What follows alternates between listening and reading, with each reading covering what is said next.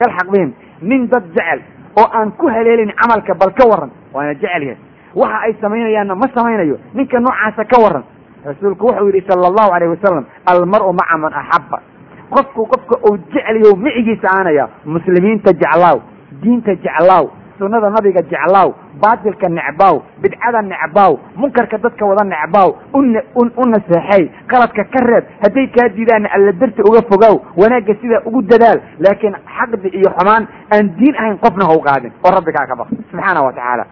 Weligaa dadka khayr kalena waa inaad jeclaataa maxaa yeele berita meelaa lagula keenaya. Anas bin malik wuxuu yidhi asxaabtu waxay ugu farxeen xadiidkaa wax ay weligood waxay ugu farxeen aan la arag maxaa yeele nabiga inay jecel yihiin waa isku hubeen buu yidhi.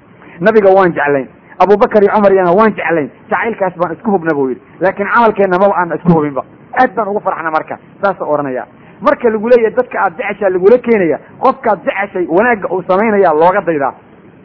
Qofkaa kugu oranaya nabigii baan jeclay. Sunnadii nabigana aan lagu karin. Diintaan jeclay. Kaala baro ku dhaqan laguma karo. Nabiga ummadiisaan jeclo islaamkaan jeclay afar iyo labaatanka saa cay caydooda iyo xantooda ku mashquulsan yahay. Waxaa jacayl lama yidhaha waa beenbeen iyo barabagaan rabbi ha laga boqo subxaana wa tacaala war dadka ayaan been loo sheegin ee diinta ah lagu socdo. Taasaa laga doonaya dadka muslimiinta. Midda kale waxaa la rabaa marka wax la jeclaanayo ama wax la nacayo in dhexdhexaad laga dhigo jacaylka iyo nacaybka xadiid baa jira marfuucna ah mawquufna ah oo markau marfuuca yahay albani uu leeyahy waa saxiix oo ku qoray yani saxiix jaamic sagiir xadiidka isaga ah cali bin abi taalib baa laga warinaya wuxuu odhanayaa axbib xabiibaka hawnan ma. Qofka aad jeceshahay tartiib u jeclaaw tartiib jacaylka ha ka badinin casaa an yakuna baqiidaka yawman ma. Waxaa la arkaa inuu maalin kaa caraysiiyo ood maalin iska nacday isaga dhan kuusoo uro. Marka meel fog haddaad xubbigiisa geydo maanta dambood nacdo saad u soo tuur leeda kugu adkaanaysa haye ama waadba ku waalan. Waxuu odhanayaa wa abqid baqiidaka hawnan ma. Midkaad necabtaana aad ha u necbaanin. Casaa an yakuna xabiibaka yawman ma. La arka inuu maalin maalmaha ka mid a xabiibkaaga noqdo. Tartiib waxaa faraha ha ka badinin cumar bin khadaab baa arrintaa ka warramay. Cumar bin khadaab waxau la hadlay nin la yidhi aslam. Cumar wuxuu yidhi yaa aslam laa yakun xubuka kalafa walaa bugduka talafa. Aslamow xubbigaagu yow noqonin mid kalaf ah oo wax ku dhega. Yowsanna noqonin bukdigaago talaf. Markaasuu yidhi maxaad ula jeedaa? Cumar wuxuu yidhi idaa axbabta markaad jeclaanaysid falaa taklaf kamaa yaklifu asabiyu bishayi yuxibu markaad wax jeclaatay haiskugu kalifin oo haisku dhejinin canuga sabiga waxau jeclayso u isugu dhejiyo kale. Canuga sabiga saw yaalla ma taqaanaa canuga sabiga waxa uu jeclaya waa u ooyaa in la siiyo maana maantana uu barooranaya marka canuga sabiga oo kale siisa ha noqonin wixii adoo jecel haddana hadday kugu dhacdo dhibaato oo mushkula kugu timaado waxaa lagaa doonayaa inaad tarkiibsatid haye waxa waad jeclaan kartaa. Laakiin canuga sabiga wixii ou jeclaa in la siiyo maahane waa ooyin waa ooyin waa ooyin waa ooyin mana la aamusi karo saasoo kale ha ka dhigin bu yihi jacaylkaaga. Jacaylka noocaasoo kale looma baahna. Waxau yidhi waidaa abqadta falaa tubqid bukdan tuxibu an yatlafa saaxibuka wayahlik haddaad qof u carootana ha u caroonin caro aad jeclaatid in isaga dhamu halaagsamo baaboo balaaya ku dhacdo. Caro noocaasoo kale hala imaan ba la yidhi. Waa khatar waxaasoo kale looma baahna. Qof muslimaha tahay ka fiirsa waxyaalaha qaarkood. Atarka isaga waa saxiix. Bukhaari baana ku qoray edab almufrad kitaabka la yidhaahdo cabdirasaaqna musanifka ku qoray waxaa lagugu leeyahy weligaa xadid wax walba. Taasaa lagaa doonaya xasan albisri wuxuu yidhi dadka aad jeclaanaysaan tartiib u jeclaada. Dadka aad nacaysaan tartiib u necbaada. Dad baa dad jacaylkooda inta ku xadgudbay oo wax walba iloobay bay ku halaagsameen. Sida dadka la yidhaha cisqiga ku dhacay. Yani cisqiga markuu fawqal caqli noqdo ilaahay halmaamo digrigii alle iloob waa bisoo dhamaatay laazim cishqi waa inuu jiraa oo laba qofood waa inay isjecel yihiin. Maba dhicin kartana inay nolol wadaagaan haddaan xub iyo waxun ka dhaxayn laakiin waxaa la rabaa wax inay xuduud leeyihiin. Dad baa isnacow yidhi. Say dadka u nacbayeen bay nacaybkii dartii bay ku halaagsameen bu yidhi. Xubbigu inuu ku dilo oo isagu geeri kugu noqdo ama nacaybku geeri kugu noqdo looma baahna. Dadka qofkaad ugu necab tahay oo aad gaalka aad ugu necab tahay waa inaad jeclaato in ilahay soo hanuuniyo. Laakiin waa inaadan jeclayn inuu iska halaagsamo oo aad tira ilahu haddaad hanuun la doontay soo hanuuni. Haddaan hanuun la doonin naga qabo. Oo laba taaka naga saar adaa saari kara. Haakada laakiin haddaad tidhahdo cadowgayga maba dhici karto inuu soo hanuuni may maalin baa maalin ku idhi nin dhib badan allaha soo hanuunsho.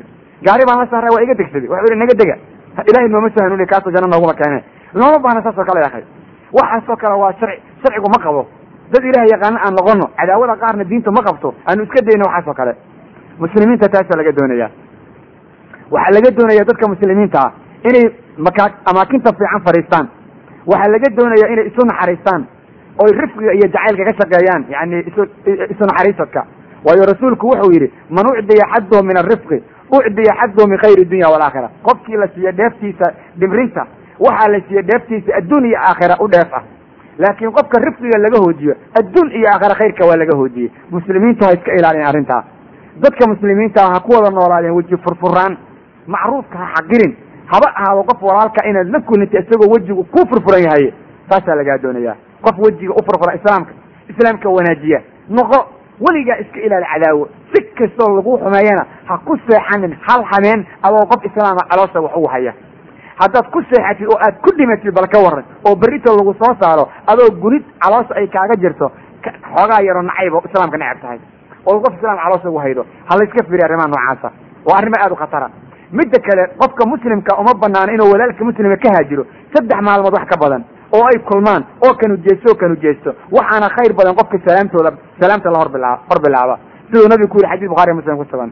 Rasuulka sala allahu alayh wasalam waxau xadiid ku sugan saxiixuljaamic ku yidhi qofka muslimka hal sano qofka ka haajiray oo cadaawo adduunye darteed uga aamusanaa isagoon diin iyo ilaahay darti ku nacin isagoo dhiiggiisa daadiyay u la dembi yahay. Dhiiggiisa daadiyey. Bal qabaa'ilkan iyo waxaan daran iyo waxaan isu qabna ka waran dhiiggiisa isagoo daadiyay waa haddii aad cadaawo isaga haydo waxu kaabiya ma lahan mujarad ou reer hebel yaad iska nacday.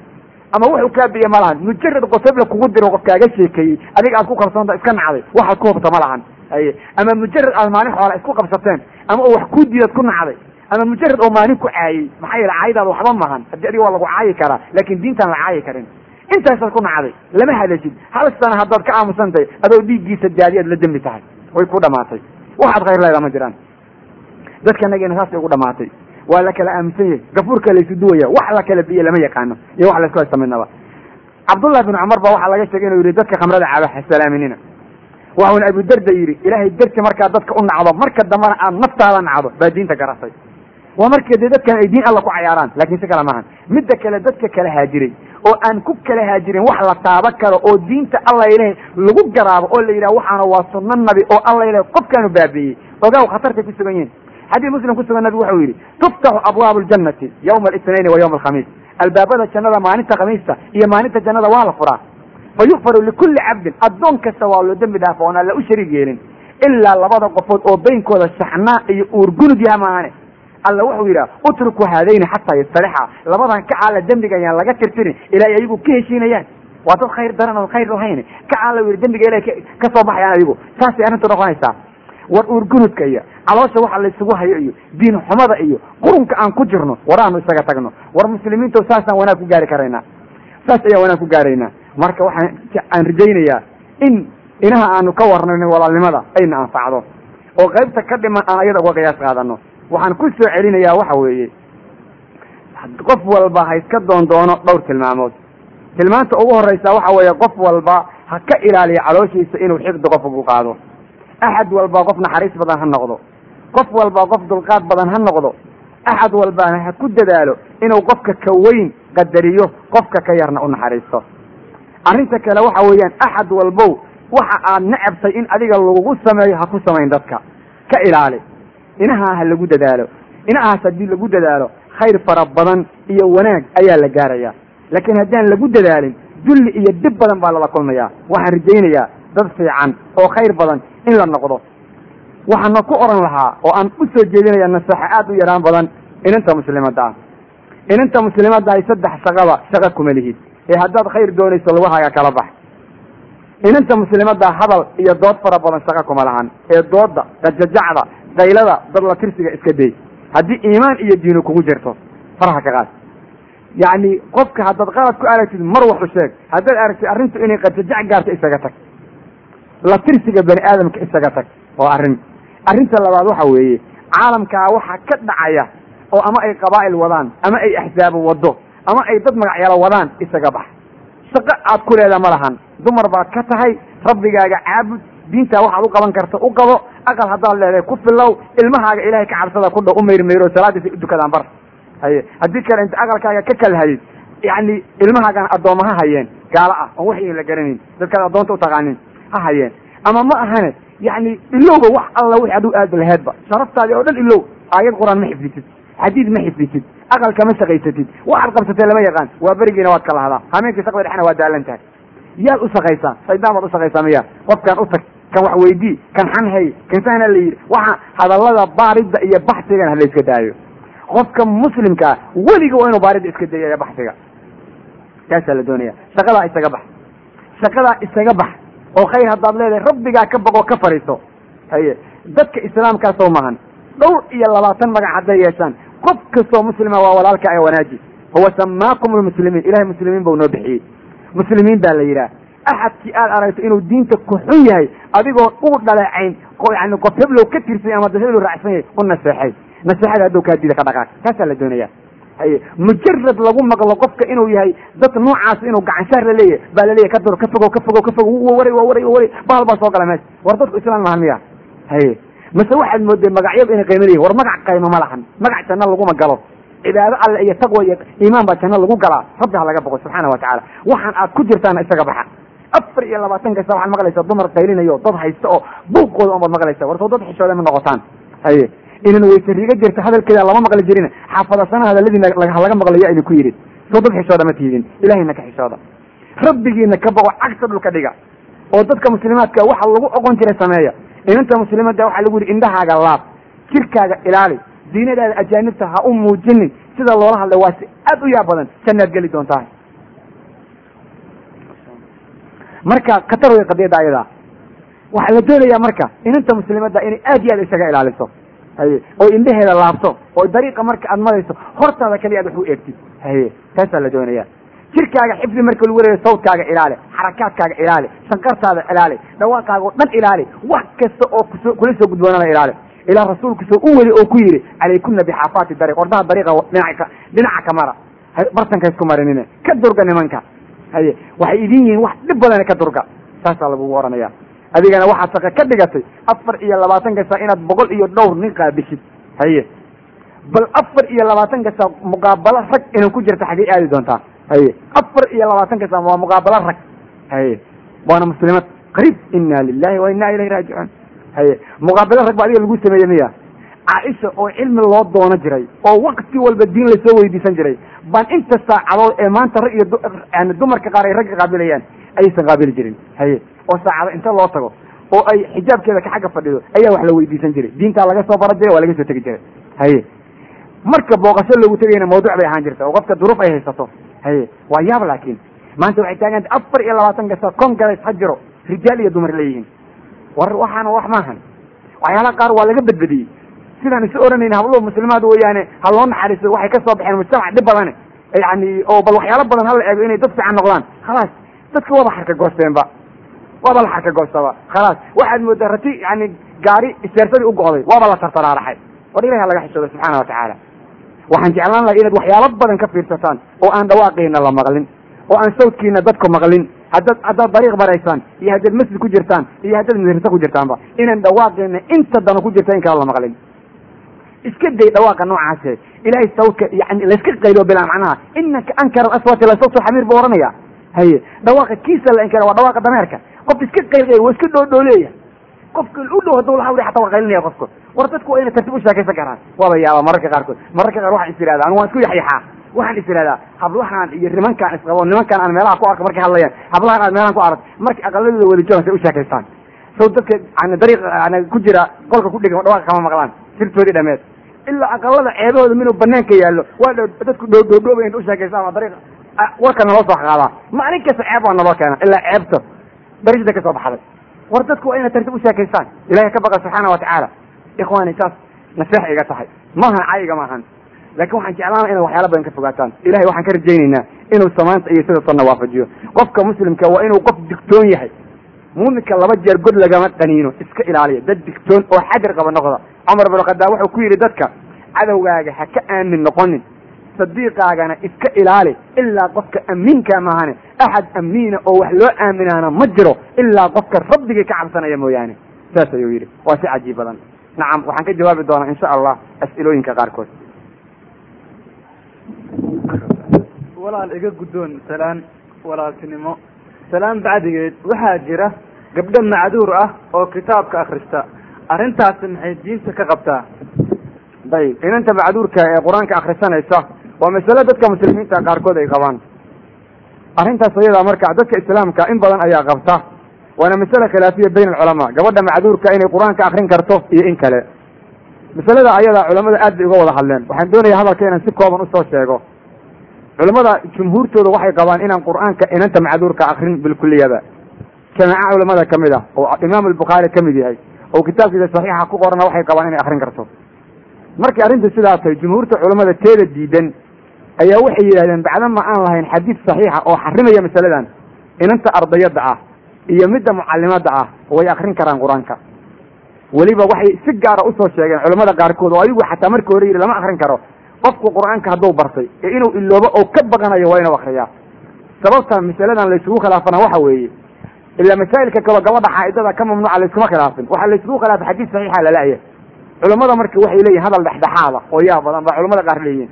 Waxay leeyihiin inanta waxaa wanaag badan inaysan qur'aanka akrin. Allahuma inay qur'aanka iloobayso amay ardayo toy baranayso amay mucallimo toy dad baraysa mooyaane. Intaasu hadday jirto inay akrisaa loo qaataa. Kitaabka qaadashadiisana hadalkaas oo kale ayaa ka jira. Masaladaasu masale dhib badan ma ahan. Masale laysku qaqabtana ma ahan.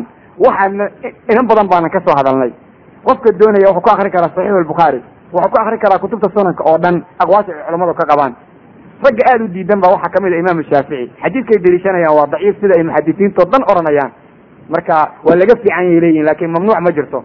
Qolada ogolaanaysa waxay deliishanayaan. Nabigu caaisha wuxuu ku yidhi markay xajinaysay qofka xaajigaa wuxuu sameeyo samey laakiin kacbada ha ku dawaafin salaadna ha dukanin. Dadka xajinayaana qur'aanka way akriyaan loomana diidin bay odhanayaan midda kale dumarka nabiga say u sheegeen in salaada loo diidayo soonka markay xayd ka qabaan. Qur'aanka akrinina in lagu yidhi meelay ku sheegeen lama hayo nabigayna la noolaayeen. Nabigoo la joogeyna ayaa dhiigu ka imaan jira macduur noqon jireen. Marka taas waxay noqotay arrin lagu murmo saa darteed culammadu kilal jaanibeyn dhib ka arki maayaan. Waxayna odhanayeen culammadu hadday inantu akriso in la cadaabayo meel lagu sheega lama hayo. Dhibaato ma lahan. Sidaa darteed haddaad akrido qof akrinaya hala murmin. Oo dhibaato ma lahan. Haddii qofku yihi anigu ma akrinayo waan ka dhowrsanaya dhibaato ma lahan. Maxaad u akri laada hadhihin waa masale culamada horta isku qabatay meelna aysan saarin labada dhinacna ay u arkeen inaan dhibaata jirin. Weliba qofka wax baranaya iyo qofka wax baraya dadka si gaaray culammadu u isafnoodin kuwooda diidan iyo kuwooda ogol labadaba. Nacam marada musawirka leh haddii maro kale lagu dul xirto ma lagu tukan karaa? Marada sawir kale sideeda ahaan waa lagu dukan karaa. Ama maro kale ha lagu dul xiro ama yaan lagu dul xirin.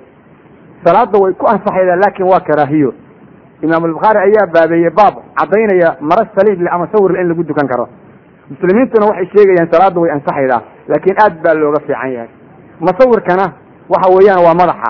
Haddii madaxa laga gooyo shayga ama madaxa laga looga cayaaro sawir maahan oo nabigu xadiis saxiixa ayuu ku yidhi asuuratu firaas. Musawirku waa madaxa. Haddii madaxa la gooyana suurado ma jirto. Suuradda laga hadlayana waa xayawaanka iyo waxa nafta leh. Salaada way ansixin laakiin maro sawir leh. Qofka muslimkaa ha iska ilaaliyo intuu iska ilaalin karo hadday aaddo alla gacanta u soo gasana meesha madaxa ah ama ha ka gooyo ama ha ka inta yani harqaan mariyo si fiican ha u baabiciyo si ay wixii geed oo kale u noqdaan. Markaana sawirnimadii waa ka baxaya nacam. Haddii waalidka ama walaalka uu yahay mid cunaya ribo guri ma kula noolaan karaa? Qofka ribada cunaya guri waa lagula noolaan karaa. Hadduu guri ribada isaga cunayo haddaan adigu cunaynin guri ku noolaansada iyo ribo cunidda farqi baa udhexeeya laakiin isagoo hadduu ribadii cunayo aqalkiisina uu ribo yahay isagana aada la noosad cuntada la cunaysid. Taas way waxa la isweydiinayaa masalada ayada muslimiintu waxay odhanayaan qofka xoolihiisu xaaraan yihiin ha laga tago. Iyadoo loo deliishanayo hilib walbao xaaraan ku baxay naartaa ku owleysan. Culamada qaar waxay odhanayaan haddii waxaan adiga lagu siiyey korkaaga yani xaraj kama ahan. Ayagoo u deliishanaya xadiis saxiixa oo odhanaya haddii xoolaha ay ku yimaadiin adoon su'aalan oo aanu hangal taagin wixii lagu siiye iska qaado ama sadaqayso ama maalayso. Wixii aan saasayna naftaada ha raacsiinin saas ayay odhanayaan marka qofku haddii uu hore riba u qaatay asagoo ka tooba keenay muskulad ma lahan laakiin hadduu weli ribadii ku jiro qurunkiina oo wado khayrkiisu ma badnaa. Ha laga fiirsado. Calaa kulli xaal dadka xoolihiisa xoolahoodu ay xaaraanta yihiin. La noolaanshada lala nool yahay. Arrin khayr bale ma ahan. Aqwaal culama ha jirta hadday doonto laakiin qofka xalaal miiranaya wax badan inuu iska ilaaliya laga doonaya oo qofka xalaal miiranaya. Wixii uu ka sakiyo dhanna uu ka tago. Waxaana waaba iska cad yihiin marka aad bay u wanaagsan tahay qofka muslimkaa inuu iska ilaaliyo waxa uu cunayo kana fiirsado. Nacam waalidkay waxay amrayaan in aan dhoofo ninkayguna ma joogo ma ku adeeci karaa daba waalidkay? Safar xaaraana inantu waalidka inay ku adeecdaa waa mamnuuc. Mana ku adeeci karto. Nin iyo naag nin iyo waalid midnaba laguma adeeci karo safar xaaraan ah qof lagu adeeci karaa ma jiro. Maxaa yeelay rasuulka sala alla alay slam waxaa ka sugan axaadiis aad u fara badan oo tabaneeye kor u dhaaftay oo odhanaysa gabadha alla iyo maalinta aakhira rumayday yay safrin hameen iyo maalin meel loo socdo. Saddex waqati meel loo socdo hal maalin meel loo socdo maalin gelinkeed meel loo socdo ayadoon maxram la socon. Aad baa looga digey si uu yeelo qofku hadduu waayo waa dariiq laakiin ma jirto si kale. Culammadu waxay ka soo reebaan weliba casuurta dama joogta. Inantu hadday inta dhoofto ay tagto meel aan rixmkeed joogin maxramkeedii ay doonayso inay ka laabato. Maxramkeediina uusan u imaan karin. Ama si uu ugu yimaado aysan suuragal ahayn oo dhibaatada noocaasu dhacdo. Asigu dariiq inay ku badbaadayso aad loogu rajo wen yahay. Hadday riximkeeda u tegayso dadkii maxramka u ahaa inay aaddo waa loo ogol yahay. Sidaas ayaa la yidhahdaa waktiyaalka dambe. Waa haddaysan safar dambe gelayn sideed ahaanna buuq weyn baa wuxuu ka taagan yahay xataa laf ahaanteeda inantu inay ku noolaato meel aysan ku haysanin maxram. Buuq weyn baa ka taagan diinta siday tahay marka looga warramayo sidaa weeye. Masaladaana bacdama ay masale nagu soo laalaabato tahay. Xalkeeda ugu dambays wuxuu imaan karaa dad xaq wax ku dhaqayaa markay yimaadeen. Dawla islaamiya iyo diin lagu socdaa markay timaado. Iskagama imaan kartana arrintaas. Maanta uu ilaahay ku talagala way imaan. Qadar allayna ku xihan tahay. Wax walbana qadar alla ayay ku xihan yihiin. Koonkana ilaah waa ku tasarufa umuurta dhanna allah loo celiyaa. Subxaana wa tacaala. Inanta muslimadda ha maslaxaydo waalidkeeda. Safarka xaaraanta ha iska daydo meel ay ku noolaato hadday la'dahay ninkeediina ay u tegayso isuusan isagii imaan karin oo inay kala tagaan iyo inay iyadu tagto ay labadaa isla mid noqdeen si la yeeloo kalena aan la haynin. Waddada inay ku badbaadaysaan lagu rajo wen yahay. Ilaahay waxaan ka rajaynaynaa in dembigeeda loo dhaafo dib ka soo gaarayaan ou yidhaahdo wabilahi tawfiq nacam haddii nin gaal ahi gacantiisu ay kugu dhacdo salaada ma kaa buraysaa ninka iyo nin kale midkau doona ha noqdo. Qof adigu aadan uqasin gacantiisa hadday kugu dhacdo salaada buri maydo gaal iyo gaal la'aanna farqi ma lahano adiga ajnabi ajnabi buu kuu yahay. Inaad taabatid mid lagu ogol ma lahan. Keliya ninka islaamkaa markii ay daawo gaarto iyo dhakhtarnimo ayuu kaa yani waxyaalo badan lagu suka mariyaa. Iyo badbaadada uu adiga badbaadadaada iyo walaayadaada leeyahay. Laakiin ajaanib taabasadeeda waa taabasho ajaanib. Lama ogola bilkuliyaba haddii marka qof aadan uqasin gacantiisa kugu dhacdo salaadu kaa buri maydo. Dhibna ma lahan taas iyada ah mushkilad ma lahan. Nacam haddii aan furto maqaayad balse dadka iga cunayaa cuntada ay cunayaa ay yihiin dad qaadka isgaarka caba haddaba lacagta iga soo gashay meeshaasi ma xaaraan ba lacagta halkaa kaa soo gashay wax lagu xarimi karaa ma jiraan. Maxaa yeelay muslimiintu waxaa u furaan jiray dukaamo iyo wax la mid a gaalo ayay wax ka iibsan jireen. La ogaya xoolahooda inay qaar khansiir ka soo shaqeeyeen ama ay khamrad ka ku jirto ama la ogaya inaysan ribada ka dhowrsan. Muslimiintu gaalada waxbay ka soo iibsan jireen gaaladan waxbay ka iibsan jirtay. Lamana hayo meel lagu leeyahy waxyaalaha qaarkood eeg eega. Sidaa darteed adiga wax kuu cad oo xaaraan haddaadan la wareegin. Dadkaas waxyaalahaas oo cunaya haddii maqaayadada cunto ka cunaan dhib ma lahan. Laakiin mushkila waxay ka taaganta marka adigu inta kuraas u dhigtid ay kuraasaada ku qayilaan. Markaasi mushkila ka taagan tahay. Ama halkaa inta fariisan kuugu geerishayana maanta dhan hadal maala yacni iyo waxaan loo joogin lagu hayo. Laguna dhegaysanayo hees dabacsan oo la leeyahay muusiq macaan weeyaano. Waxa weeyaan waxaa ka hadlaya qola khayr daran. Marka taas un baa khatara. Laakiin cunto cunidda dadka cuntada cunaya contaroolka waxba laguma dirsan. Wixii bareera waan iska ilaali nacam salaadaha sunooyinka ah haddii salaadi anoo tukanaya la aqimo salaada faralka ah salaadaasi ma ka baxaya? Salaadaha sunada ah yani kabixitaanka laga baxayo marka salaaddii waajibkaad la aqimo. In laga baxo waxaa caddaynaya xadiid oo in laga baxaa. Muslimiintuna khilaaf ayay ka qabaan. Waxaad moodaa inay dadku masaladaa ku celceliyaan. Waxaadna moodaa ina inay si uga qancila a yihiin rasuulka sala allahu alay slam xadiis saxiixa ku sugan wuxuu ku yidhi idaa uqiimat isalaatu falaa salaata ila almaktuuba. Salaad haddii la aqimo salaada waajibka mooye mid kale ma jirto. Dadka gobol baa waxay yidhaahdeen xadiidka waxaa loola jeedaa salaad kalean la xihan karin ee haddii tii hore lagu jiray waa la wadan karaa. Dad baa sidaa ku fasiray oo halkaa la aaday aqwaal culamaa warkaa qabta laakiin aad baa loo radiyey. Maxaa yeele riwaayad kale odhanaysa tii la aqimay mooye ti kale oo la dukan karaa ma jirto. Waxaa kaaga sii daran riwaayad kale oo tilmaamaysa nabigu nin dukanaya inta arka iyadoo la aqimayo salaad subax oo uu ku yidhi ma subxi baa afar ragca noqday. Marka waxyaalahaas oo dhan waxay tilmaamayaan salaada haddii la aqimay in laga baxo salaada marka ragcada goobtiis in lagu dukado ragcooyinka ugu dambeydoo la dededejiyo waxba looma baahna. Haddii inta la aqimayo aad salaada ka bixi kartid ood ataxiyaadka oo kale ku jirtid oo aqimitaanka marka uu dhamaado salaada imaamka allahu akbar leeyahay intuusan ku dhawaaqin ama markuu xataa allahu akbarta yidhahd aad ka gaarsiin kartid. Salaadii adoo sugay oon ku cayaarin. Dhamayso dhib badan ku soo gaari maayo laakiin salaaddii hortaa haddii la gelayo oo laga yaabo in hortaa laba rukuuco ama laga yaabo markaad xidhato inaad rukuucda ku gaartid arrinta ayadaa dulmi weeye. Sidaas ayaana culamada muxadisiinta u badan yihiin. Qowl culamo ayaa jira oo u deliishanaya yaa ayuha aladiina aamanuu adiicu llaha wa adiicu rasuul walaa tubdiluu acmaalakum. Acmaasha ha burinina camalkaad ku jirtid dhameey yani hadalka isaga yani aayadda hadalkay tilmaamayso culamo qaar baa u deliishatay. Laakiin aad iyo aad ba waxaa loo yidhi taasi waa caam. Camalkiina shirki iyo baatil ha ku burinaa loola jeedaa. Laakiin tan amar gaarha yaalla oo nabigii bixiyey saasaa loogu jawaabay. Marka masaladaas oo noocaa weeye qofkii ka baxa naska ayuu si fiican u dabaqay. Qofka aan ka bixin dhib badan in loo geysta maan maxaa yeele culamo waaweyn oo islaama ayaa ku tagtay waxayna deliishadeen xadiidka way ta'awiiliyeen awiilitaan bay la yimideen waxayna ku ta'awiiliyeen salaad kale ha bilaabin baa laga wadaa ee tii hore dhamaystigeeda laguma diidayo. Qowl kale ayaa jiro odhanaya waxaa laga wadaa hadday jameecada ku dhaafayso ee haddaad jameecada ka gaari kartid oo walow ragcada ugu dambayda allah ka dhigay iska wado warkaasuna wuu jiraa. Laakiin aqwaashaas oo dhan waxaan khayr bidaya oo aan anigu u arkaya inay khayrka u dhowya wallahu aclam. Sida nasku muujinayo culammaduna ay u badatay muxadisiinta in lagu dhaqmo. Nacam gabadha islaamka ah miyay jeedin kartaa muxaadaro? Iyadoo u jeedinaysa wiilal. Inanta muslimada inay muxaadaro jeediyo ama diinta ka waranto wax diidaya ma jiraan. Maxaa yeelay caaisho diintaa laga baran jiray. Dumarka saxaabiyaadka waxyaalo badan baa la weydiin jiray ka jawaabi jireen ama guryahooda inta loogu taga wax laga baran jiray. Inanta muslimadda waxaa la rabaa inay xuduuddii sharciga ku socoto. Culamada qaar waxay ku xadideen min waraa'i alxijaab.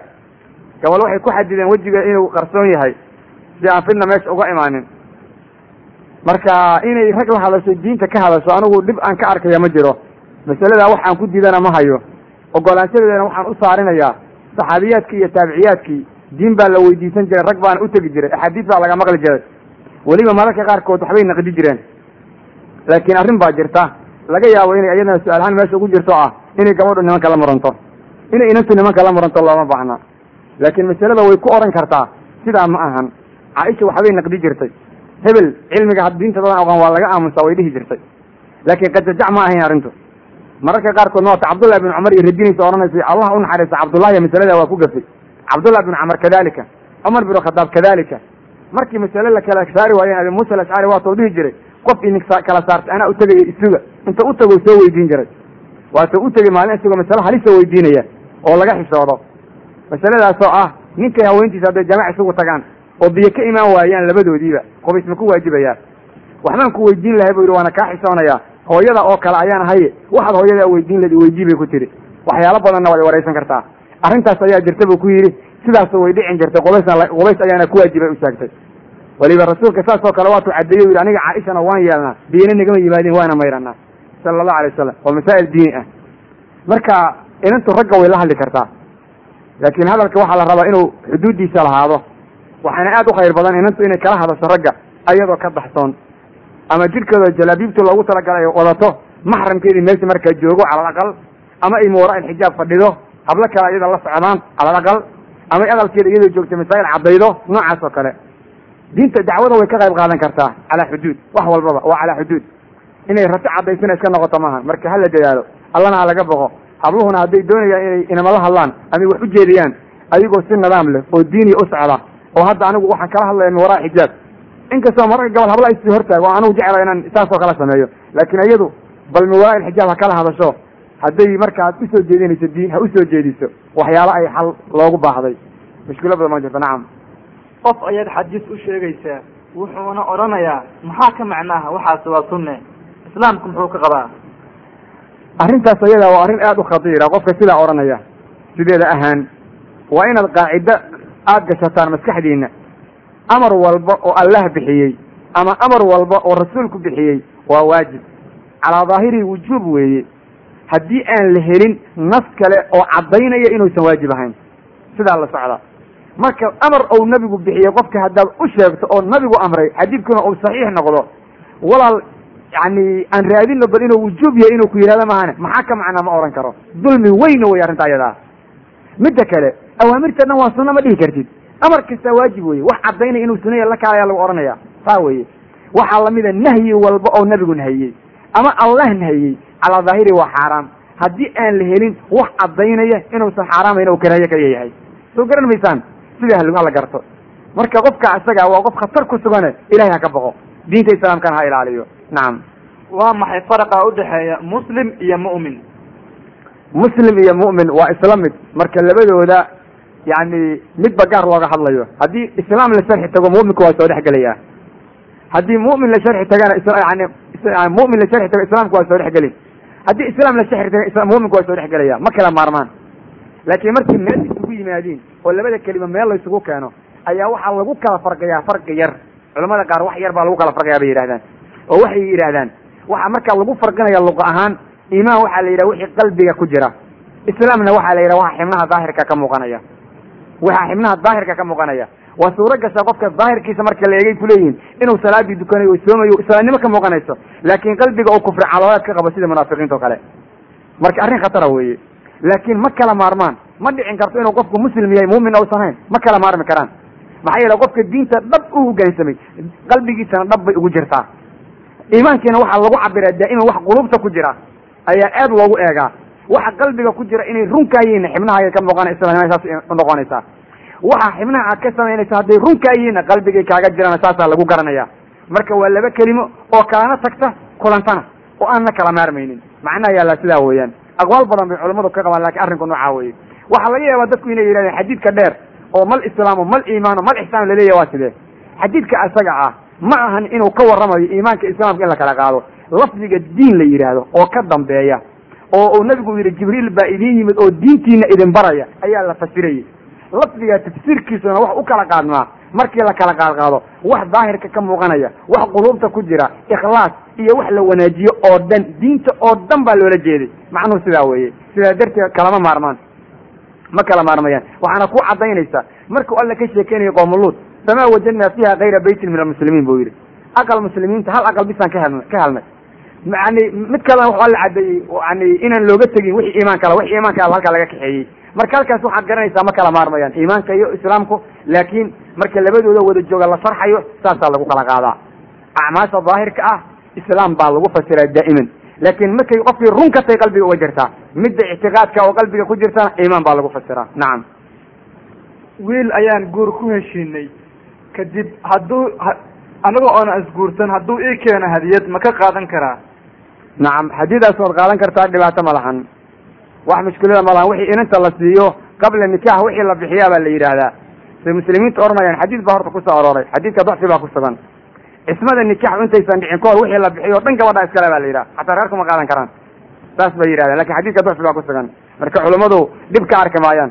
Xoolahaasna ma noqonayaan xoolo sardi ah waa hadiyad waa la qaadan karaa. Dhib ma lahan. Hadiyadaas wax shuruuda waa inaysan yeelanin wax dhib oo kalena waa inaysan ka dambaynin dadka wax isu soo dhaweynaya hadi hadiyadu waaba ka midba. Marka laa ba'sa dhib badan ma jiro. Nacam qof dumar ah oo safar ah ayaa agteeda ku dhimatay. Haddaba qoftaasi ma garan karo inay tukato iyo in kale. Ma dhiqi karaa? Nacam waa inaad dhaqdaa wanaajidaa haddii qofkaasu oo u egyahay qof islaam inuu yahay calaamo kuu caddeeya haddaadan helin. Dadka dhanniga loo hagaajinayo islaamka loo malaynayana ay ka mid tahay. Dhanniga sida meeshaas u raajixa ayaad ku xambaaraysaa qofkaasu dadka uu ka mid yahay ama waxyaalaha calaamooyinka oo laga helay ayaa lagu xambaarayaa sidaa darteed waa dhaqin waadna asturin haddii yani qofka uu ku dhinto meel gaalo bis lagu ogaa calaamo islaam wax muujiyana aan laga helin haddee waa laska waa la dhaqi karaa xataa gaalka. Waa la iska casaya mushkiladooda ma jirto. Laakiin qofka haddii meel dhanniga dhanniga meesha raajixa dhanniga u yahay baa lagu xambaaraya weliba mar kasta waxaa la isticmaala mararkaas oo kale aqlabiyadda meesha ka jirta sida ay tahay iyo dadka halka jooga waxay u badnaayeen baa lagu xambaaraa laakiin mar kastaba adiga maydka muslim iyo gaal waxuu doona ha noqdo inaad asturtid waa lagaaga baahan yahay. Mushkiladna ma lahan. Laakiin waxyaalaha waajibka si gaar waxay ku saarayan markuu qofku muslim noqdo. Nacam qofku markuu dhinto ma lagu akrin karaa suuratu yaasiin? Suuratu yaasiin qofku marku dhimanayo in lagu akriyo waa bidca diin iyo wax ku soo orora ma jiraan. Yani xadiid baa jira odhanaya markuu qofku geeriyoonaya yaasiimiya xadiidkaas waa daciif kamana sugna nabiga. Lamana hayo nabiga weligii qof yaasiinsay sideeda dhan ba yaasiiminta waxa la yidhahda waxay tamalaan waxaad maqlaya soomaalida iya ku odhanaysa yaasiinkaa dhaaf alla hala yaasiins war yaasiinka qofka muxuu ku taraa? Waxba kuma taraya yaasiinka qofka. Culamada islaamka ayaa qaar waxay leeyihiin suuratu racd ha lagu akriyo sida imaam axmed baa laga sheegaa. Maxaa dhaca baa la yidhi? Waxu ay shardi uga dhigayaan ama hadi hadda yaasiin la akrin tago waa inuu qofku qur'aanka macnihiisa yaqaanaa. Qofka akrinayana waa inuu dheereeya u maqashiiya si tartiiba u akriya maxaa dhacay? Sakaraadka ka yaraanaya qofku macnahaasu ku tadaburaya bay leeyihiin jannada iyo naarta marka laga sheekeeyo ayuu xoogaa xanuunka badan u ka yaraanaya laakiin lagama wado nafta loo fududaynaya yaasiinkuna qofka wax u qabta ma lahan. Wax kastoo aran nabiga weligii qof u yaasiinsan lama hayo. Khadiija ma yaasiimin. Walaalka cusmaan ma yaasiimin. Adeerki ma yaasiimin. Asaga lama yaasiimin. Saxaabadu weligood qof ma yaasiimin. Marka annaga yaasiinka qofka lagala daba ordayo ma dukadaha masa yani masoomaha diinlaawaga mid kasta halo yaasiin culama yaasiimin alla xagga yaasiin laga doona. Qof baa markaasu inta loo kasinaya kaas yaasiimin lama yiraya muxuu ku taraya calal aqal haddaan raacno aqwaasha ay culamada qaar u nisbeeyeen imaam axmed. Waxay kuleeyihiin suurad janno iyo naar ka sheekaynaysa. Oo qofka marka lagu dul akriyo la maqashiiyo macnaheedana uu garanayo. Si sakaraadka uga yaraado qur'aanka ugu macaansado ha lagu dul akriyo saasay odhanayaan culamadu. Waa markaa aqwaashaa qadarino wax kala oo diinina ma jiraan nacam ninkaaga salaada ma ku xihan ninkaaga salaada ma lagu xihan karaa? Marka uu tukanayo. Nacam way ku xihan kartaa inantu ninkeeda salaada gadaal bayna istaagaysaa. La safan mayso. Saas ayaa sugan. Nabiga sala allahu alay wasalam markuu dejinayay dumarka anas iyo wiil yar iyo hooyadiis ama ayaydiis islaantu keligeed bay gadaal istaagaysaa. Xataa wiilku hooyadii dejinaya xataa waa inay gadaal istaagto. Laakin way ku xihan kartaa salaada jameecayna u noqonaysaa. Khayr badan bayna leedahay. Nacam nin ayaan guursaday isaga oo tukanaya. Kabacdina salaadii waa uu ka tegey. Haddaba maxaan ka maxaan ka sameeya arrintaas? Adna isaga tag. Ilaa uu salaada u laabanayo. Waa isku dhamaata arrintii. Waxa idinka dhexeeyaa ma jiraan. Ilaa uu salaada u laabanayo. Intaad ciddada tirsanayso hadduu salaada u soo laabto waa ninkaagii. Hadduu salaada u soo laaban waayana ciddadu hadday kuu dhamaato qofka rabtaad guursan kartaa. Wax idinka dhexeeyana ma jiraan. Furitaan iyo waxba looma baahna. Waa isku dhamaanaysa arrintii. Qofka hadduu salaada ka tega bis weeyaan laakiin inta inanta ciddo tirsanayso hadduu ka soo laabto nikaaxu sidiisa hore u jiraa. Nacam ma runba qofka islaamka ihi beled kufaar musxafka qur'aanka ah ma geyn karo degaanna kama yeelan karo. Nacam axaadiis saxiixa ayaa ku soo aroortay. Rasuulka sala allahu alayh wasalam waxaa laga hayaa inuu sheegay kitaabka qur'aanka yaan loola safrin cadowga. Waxaa laga baqanaya gacanta cadowga inuu galo waxay arrintaasu jirtay maantii muslimiinta oo musxafku gacanta ugu jiray. Maanta cadowga ayuu gacanta ugu jiraa. Waxaa soo daabaca jarmalka galbeedka. Waxaa soo daabaca gaalada oo dhan. Kutubta islaamka oo dhanna waxay taallaa makaatibta ku kala taalla talaabiib jarmalka galbeedka baris iyo amaakin kale uu ka mid yahay jarmalka bariga. Marka wax gacan ugu jira dadka ma lahan. Waxaa laga sheekeynayay cadowgu yuusan gacanta ku dhigin qur'aanka. Saasay xaaladdu ahayd. Marka qadiyadaas waa nooca. Qofka muslimiin muslimka ah inuu gaalada la dego looma baahno adilo saxiix ayaa ku soo aroortay kulligeed oo saxiixuljaamic iyo keyrkii ku sugan oo ay soo saareen sunanka qaarkood gabalna saxiixa ku qoran. Qofka muslimka inuu gaalada la dego looma baahno meel islaam jooga hadduu jira waa inuu uhaajiraa waana inay muslimiintu meel isugu tagaan. Inkastoo muslimiintu ku cilayaan waa meesha aadan shicaarkayga diiniga saad rabta ugu muuji karin oodan alla ku caabudi karin. Markaasna waxaa la doonayaa inaad heli kartid haddana meel islaam uu ka jiro alla lagu caabudo hijradu waxay ka mid tahay waxyaalaha inanta loo fasaxay inay safarka gasho ayadoon maxram weyday. Hadday diinteeda la cararayso meel ay ku badbaadayso nafteeda iyo diinteeda islaamnimadeeda oo diin islaam ka jirtaana ay jirto. Saa darteed yani waxyaalo badan oo maanta jira halis bay ku sugan yihiin. Dadka weli ilmahooda sii geynaya barwaaqa sooranka waddamada ay isku yidhaahdeen dadku. Meel ay barwaaqa ku sooreen ma garanaye meelaha ijraamka iyo muslimnimadu ka jirto oo canugu ou taleefon naynayna u qoran yahay oo islaanta taleefon arbaca ka bilaaban afar u qoran yahay oo aan la xakumi karin qofna oon ilahay ka cabsa lagu dhihi karin khatar baa ka sugan. Amaakintaas oo kale in alle lagu caabudo o lagu sugnaado o yidhaha qofku waan joogayaa haddaad adigu aado alle alla caabudi kartid. Bal ilmaha dhali doonta xaggey aadi doonaa waa khatar. Gaalada yaan laga dhiganin saxaba yaan lala noolaanin oo aan laga dhiganin dad laga dhigto dad lala noolaado. Noloshana waxaa laga hadlayaa in ayagu kusaydareeyaan waxaa lagaa doonaya inaad ka fogaatid muslimiintu meel gaala joogto hadday alla ku caabudayaan ilaa ay ka helayaan meel ayagu iska leeyihiin waa joogi karaan. Maxaa yeele asxaabu rasuulilah xabashay uhaajireen waxuuna rasuulku yidhi waa meel alle lagu caabudi karo. Waana meel aan laydinku dulminin gaal baana haystay. Ilaa ilaahay si kale ka dhigayo waxayna ka tageen maalintii madiina ay magaalo noqotay oo islaamka halkaa isugu tegey. Marka meesha alle ku caabudi karta nacam. Maxaa yeele dhulka ilahi waa waasic laakiin haddada meesha alle ku caabudi karin oon shacaarkaaga lagu ogoleyn oon salaadaada lagu ogoleyn oon cibaadadeeda lagu ogoleyn oodan dadka waani karin oodan daacada muuji karin hadda meeshaas meel aad ku sugnaan karta ma ahan. Nusuus badan baana mawduuca aada uga warramaysa. Nacam faahfaahin guud naga sii hilibka geela sida uu weesada u jebiyo. Dayib. Hilibka geela waysada sida u jebiyo si aan anagu dareemi karna ma ahan. Rasuulka sala allahu alay wasalam ayaa loo yimid. Sida xadiid ku sugan muslim iyo keyrka uu caddaynayo. Waxaa lagu yidhi rasuulka sala allahu alay wasalam haddii aan cunno luxuumu lghanam hilibka ariga haddaan cunno an natawada'u min luxuumi lghanam ariga hilibkiisa ma ka weyse qaadanaa nabigu wuxuu yidhi inshiid haddaad doontid marna wuxuu yidhi maya. Waxaa lagu yidhi rasuulka an natawada'u min luxuumi ibil geela hilibkiisa ma ka weyse qaadanaa nabigu wuxuu yidhi nacam sala allahu alay wasalam amar buu nabigu ku bixiyey. Amarkaasi wujuubnimo ayuu keenay. Xikmadda ka dambayda alla ayaa yaqaan bis hilibka geelu waa hilib wanaagsan waana hilib aan xumaan kale lagu ogeyn rasuulkiina dadka wax u diray ka weyse qaata sida ayaday arrintu tahay waxaa jiri jira waktigii hore wax kasta oo dab la saaray ayaa laga weyse qaadan jiray.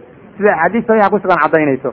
Jaabir bin cabdillah wuxuu leeyahay rasuulku waa ka tegey wixii la keriyey in laga weyse qaato waa la joojiyey. Hilibka geela bis baa laga soo reebay.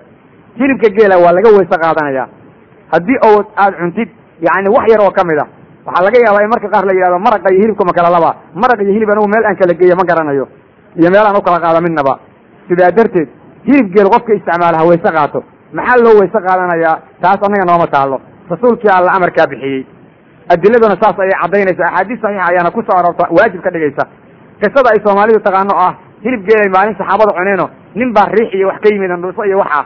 Marka waa loo ceeb qarinayo dadkaa la kulli soo weyse qaata. Sheekadaasu been iyo barabagaan iyo waxa weeyaan waxay ariga ku raaci jireen dadku. Saa wax kama jiraan sidaa darteed rasuulka ari iyo geel baa meel lagu wada weydiiyey.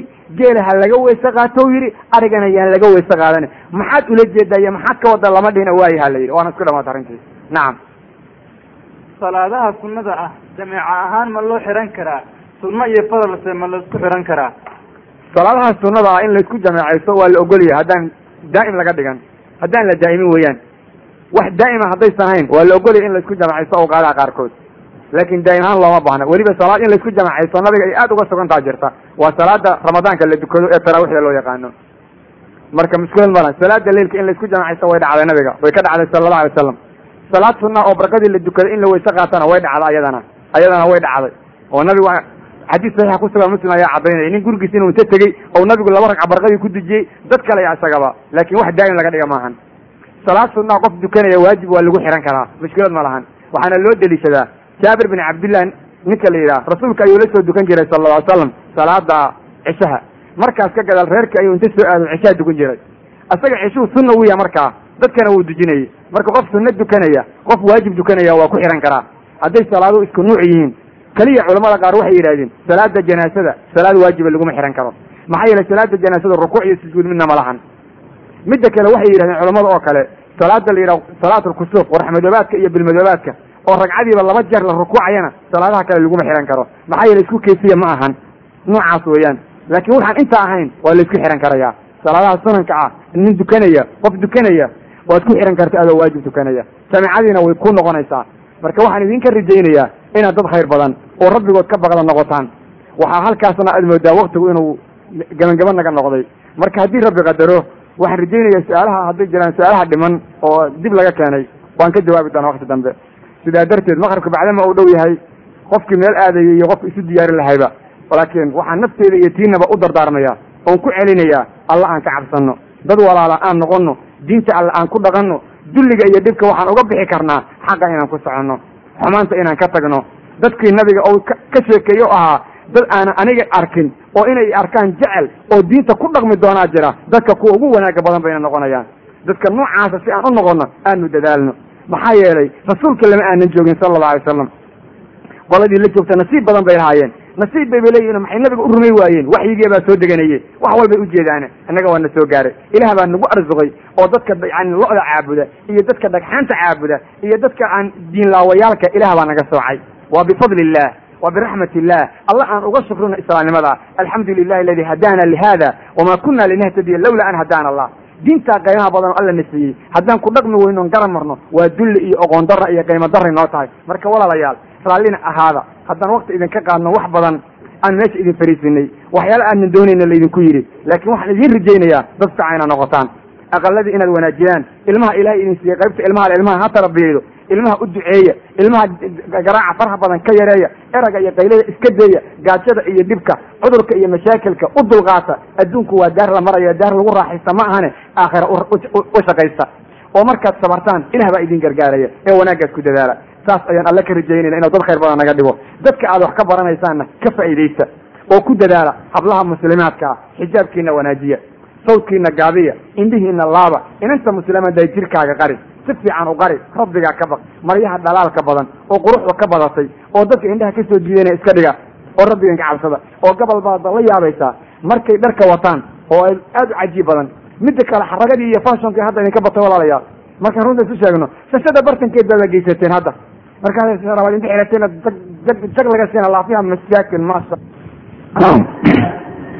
in alxamdu lilahi naxmaduhu wanastaciinuhu wanastakfiruh ونعوذ بالله من شرور أنفسنا ومن سيئات أعمالنا من يهده الله فلا مضل له ومن يضلل فلا هادي له وأشهد أن لا إله إلا الله وحده لا شريك له وأشهد أن محمدا عبده ورسوله يا أيها الذين آمنوا اتقوا الله حق تقاته ولا تموتن إلا وأنتم مسلمون يا أيها الناس اتقوا ربكم الذي خلقكم من نفس واحدة وخلق منها زوجها وبث منهما رجالا كثيرا ونساء واتقوا الله الذي تساءلون به والأرحام إن الله كان عليكم رقيبا يا أيها الذين آمنوا اتقوا الله وقولوا قولا سديدا يصلح لكم أعمالكم ويغفر لكم ذنوبكم ومن يدع الله ورسوله فقد فاز فوزا عظيما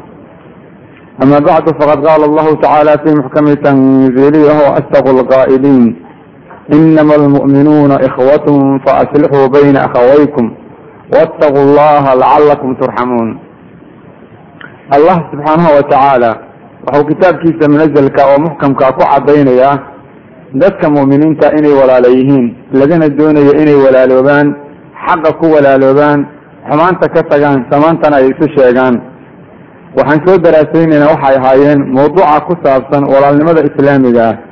Dadka muslimiinta ah inay iswanaajiyaan xumaanta iyo dhibka ay ka tagaan. Sida uu nabiguba ku yidhi sala allahu alayh wasalam addoommada ilaahay oo walaala noqda sidii ilaahay idiin amray subxaanahu wa tacaala. Ilaahay addoommadiisana waxaa loogu jacayl badan yahay. Kuwa ugu wanaaji og oo ugu ilaali og addoommada ilaahay ee mu'miniinta ah marka rasuulka sala allahu alayh wasalam ammaan gaara ayuu u soo jeediyey dadka islaamka dadka wanaajiya xumaanta iyo dhibkana ka dhowra.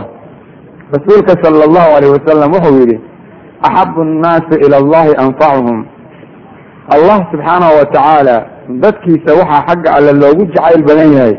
Axadka addoommada alle ugu anfici og ugu wanaaji og ugu ilaali og uguna daryaday og ayuu yidhi salawaatu ullahi wasalaamu calayh waxaa laga doonayaa dadka muslimiinta inay isdaryadeeyaan oo isxariiriyaan oo iswanaajiyaan taas ayaa laga doonayaa dadka muslimiinta. Ah haddii aysan dadka muslimiinta dad iswanaajiya noqonin adduunka iyo aakhirada way dilloobayaan rasuulka sala allahu alayh wasalam waxau ka warramay acmaal alle loogu dhowaado midda ugu wanaaga badan. Waxuuna odhanayaa sala allahu alayh wasalam wa axabu alacmaali ila allahi caza wajalla sururun tudkhiluhu calaa muslim. Acmaal xagga rabbi loogu dhowaado wuxuu allah ugu jacayl badan yahay. Inaad ka farxisid qofka muslimka ah oo aada farax u gelidid. Wax uu ku farxo inaad u soo gelidid qofka muslimka ah. Axad kasta islaamo waxaad ku dadaashaa saad uga farxin laheed qof islaam ah oo iimaan iska leh. Haddaad ka farxidid adigana rabbi baa kaa farxinaya subxaanahu wa tacaala acmaal alle loogu dhowaado waxaa loogu jacayl badan yahaa nabigu ku leeyahay sala allahu alayh wasalam axad muslim ah wax uu ku farxo inaad u samaydid. Hadda waxaa la doonayaa qofka muslimka waxa uu ku farxayaa inay yihiin waxa la raalli ka yahay. Dadka ku farxa qaadka qaad u qaadin maysid. Dadka xumaanta iyo dembiga ku farxana u samayn maydid ee waxaa laga sheekaynayaa dadku ku farxaya khayrka iyo wanaagga. Sidaas ayuu yidhi salawaatu ullahi wasalaamu calayh waxa alle ugu jeceliyay camal la sameeyo oo kale ow takshifa canhu kurba inaad kurbada ka faydid qofka muslimka ah. Oo waxyaalaha uu ku kurboonayo oo shiddada iyo dhibka ugu jiraan inaad wax kala qabatid baa loo baahan yahay. Haddaad kurba ka faydid adigana ilaah baa ku jeclaanaya. Aw taqdiya canhu dayna aw tadruda canhu juuca inaad dayn ka bixisid lagu leeyahay ama inaad gaajo soo gaartay ka difaacdid oo wax uu ku noolaada aad siidid waa acmaal rabbi loogu dhowaado miduu allah ugu jacayl badan yahay. Axadka muslimka ahow inta aad qof muslima quudin kartid ama aad wax u qaban kartid ku dadaal adigana allah ku jeclaanaya waxna kuu qabanaya. Siduu nebigu xadiid kale ugu yidhi sala allahu calayhi wasalam wallahu fii cawni alcabdi maa kaana alcabdu fii cawni akhiih allah subxaanahu wa tacaala addoonka kaalmihiisa ayuu yahay. Inta addoonku u kaalmaynayo walaalkii islaam ah. Taas ayaa lagaa doonayaa marka inaad ka shaqaysid mar walbaba. Waxaa la doonayaa in laysu kaalmeeyo. Maanta waxaad moodaa in laysku yidhi camal waxaa ugu wanaagsan qofka muslimka in laga nixiyo in xoolihiisa laga dhaco in dhibaato badan lagu loo geysto. Saas ayaad moodaa dadka jooga maanta in lagu yidhi rabbi ha laga boqo xaqa ha la ilaaliyo cadaawada ay dadku isu qabaan ha la joojiyo. Munkarka iyo xumaanta laysku samaynayo muslimiintu ha ka waantoomeen. Sidaas ayaana wanaagga lagu gaaraya adduunka iyo aakhirada labadaba. Rasuulka sala allahu alayhi wasalam wuxuu yidhi wala an amshiya maca akhi lmuslim fii xaajatin axabu ilaya min an actakifa fi lmasjidi shahra. Qof muslima danti inaan ka shaqeeyo ayaan ka jecelahay hal bil oo xariira inaan ku ictikaafo masaajidka madiine ku yaalla sidaas ayuu yidhi sala allahu alayh wasalam masjidku waa iska caam laakiin markaa nabigu waxau ka warramayo u cabirayaa madiina meelaha lagu ictikaafi karaana waa xaramka maka xaramka madiina iyo masjid alaqsa sidaas ayuuna nabigu odhanayaa sala allahu alayh wasalam qof muslima dantii ka shaqaynteeda ayaan ka jecelahay inaan bilo u fadhiyo cibaado iyo camal kale meel ayuu yidhi sala allahu alayh wasalam maantana waxay taagan tahay dantaada kaliya eego tan dadka faraha isaga qaad. War dadka islaamka aw rabbigiin ka baqda. Ka waantooma xumaanta isgoynta iyo cadaawada. Dad isxariiriya iswanaajiya khayrka ku dadaala noqda oo diinta islaamka dhab u ilaaliya. Haddaad adduunka iyo aakhirada cizi iyo sharaf alla ka doonaysaan subxaana wa tacaala. Dadka islaamka waxay khayr leeyihiin. Ilaahna u gargaaraa intay ayagu isu gargaarayaan waxa alla ducadooda aqbalaa intay ayagu isu ducaynayaan oo iswanaajinayaan waxa alla cadowga ka qabtaa oona saacidaa intay ayagu dad isi saacidaya yihiin oysan cadow isku noqon. Laakiin maalintay ayagu cadow isku noqdaan sheeke aan loo joogin ay dhexdooda keenaan. Haddee rabulciza subxaanahu wa tacaala raxmaddiisa ayuu kala laabanayaa waxayna noqonayaan ummad musiibo lagu soo dejiyey. Waxaa laga doonayaa muslimiintu inay ku dhaqmaan hadalkou alla yidhi waquuluu linnaasi xusnaa dadka waxaad u tidhaahdaan hadal wanaagsan hadal alla raalli ka yahay u idhaahda dadka hadal wanaagsan isu idhaahda wax wanaagsan isu sameeya si fiican isu daryadeeya siduu allah u yidhi markuu ka soo sheekaynayo waxyaalaha lagu liibaanayo wafcalu lkhayra lacallakum tuflixuun khayrka sameeya iyo dadka waxuqabashadiisa xaqiiqa waxaad ku tihiin inaad liibaantaane taasaa la doonayaa. Rasuulka sala allahu alayh wasalam wuxuu ka sheekeeyey qofka cadhooda. Ee markuu cadhooda cadhadiisa qabta. Wuxuu odhanayaa waman kafa qadabuhu satara allahu cawratah axadka cadhadiisa reeba oo markuu cadhoodo aan aarsan ilaah baa ceebtiisa qariya. Allah markuu dadka jannada ka sheekaynayey sifaadka lagu yaqaan wuxuu yidhi waalkaadimiina alkayda waalcaafiina can innaas wallahu yuxibu almuxsiniin dadka khayrka badan waa kuwa cadhadooda qariya waa kuwa dadka kale iska cafiya wax kastaoo loo geysta kuwa alla darti ku saamaxa weeye. Allana wuu jecel yahay dadka muxsiniinta ah oo camalka loo diray suga oo wax walba alla darti u sameeya oo addoommada allana wanaajiya. Waa sida laga doonaya dadka islaamka ah. Ma ahan qofku inuu siduu doono yeelo diinna ma ahan rasuulka sala allahu alayh wasalam wuxuu yidhi isagoo hadalka cadhada ka sii hadlaya waman kadama kaydan walow sha'a an yamdiyahu amdaa mala'a allahu qalbahu ridan yowma alqiyaama axadkii cadhadiisa qariya haddii uu doono waxa uu ka cadhooda inuu ka arsado fuliyana fuli kara ilaahay qalbigiisa maalinta qiyaamada wuxuu ka buuxiyaa riddo iyo aamin ahaansho intaba. Wuxuu ku raalli noqdaa la siiyaa waa carooday inuusan caroon buu dadka u muujiyey. Hadduu doono waxa uu ka carooday waa ka aarsan karaa waa ka qaban karaa laakiin alla darti iyo muslimiinta wanaaji aawadeed ayuu caradiisa u qariyey. Qalbigiisa riddo allah qiyaamada laga buuxiyaa buu nabigu yidhi. Salawaatu ullahi wasalaamu calayh. Marka qofkii doonaya ilaahay waxuu ku raalli noqdo inuu siiyo. Oo waxa qofka muslimka raalli ku noqdaa waa janno alle janno alle la seexiyo. Caradiisa ha qariyo sifaadka muslimiinta lagu ammaano kuwa ugu qiimaha badan waxaa ka mid ah inuu nabigu yidhi sala allahu alayh wasalam dadka waxaa ugu qiimo badan oo ugu diracsan alladii yamliku nafsahu cinda alqadab ka naftiisa hanta markuu caroodo oo aan caytamin oo aan dagaalamin oo aan dadka aflagaadayn oo aan xaqda iyo xumaan caloosha ku qaadin kaas ayaa dadka ugu wanaag badan. Marka laga sheekaynayo bini aadamka dabeecadihiisa waxaa loo kala qaadaa afar waxaa la yidhaha dadka waxaa ugu khayr badan qofka aan caroonin ciyoon hadduu caroodana si degdega raalli ku noqdaa waxaana ugu khayr daran baa la yidhaha dadka qofka degdeg ku carooda hadduu caroodana aan raalli noqon. Waxaan ammaan iyo cay midna gacanta ku hayn baa la yidhaha qofka aan caroon oo aan caroonayn weligii hadday dhacdo inuu caroodana aan raalli noqonaynin. Ammaan ma lahan qofkaaso. Wixiisu waa isu dhaceen kaasoo kale waxaa ah oo qofka afaraad ah qofka degdeg ku carooda. Hadduu caroodana degdeg ku raalli noqonaya. Wax aan sagaara ka cararin buu ka caroonaya. Haddana isla markii waa soo laabanaya isaguna wax ammaan la yidhaha ma lahan. Wax cay la yidhaaho gaarana ma lahan. Sharaf iyo qayme waxaa milkiyey axadka aan caroon. Hadduu caroodana si degdega raalli ku noqda. Ceeb oo dhan waxaa milkiyey qofka degdeg ku carooda. Kolkuu caroodana aan raalli noqosho dambe laga sugaynin axad baa lagu yidhi war maxaa ku raalli gareeya? Waxa ay raalli gareeya yidhi waxa laygu sameeye inaan laygu samayn haddi kaasoo kale qadarka allow diidan yahay. Qofka bani aadamka oo qadarka alla diidanna waxaa lagama qaban karo. Wax kastoo caalamka ka dhacaya waa maamul ilaahay. Maamul allayna ku socdaan.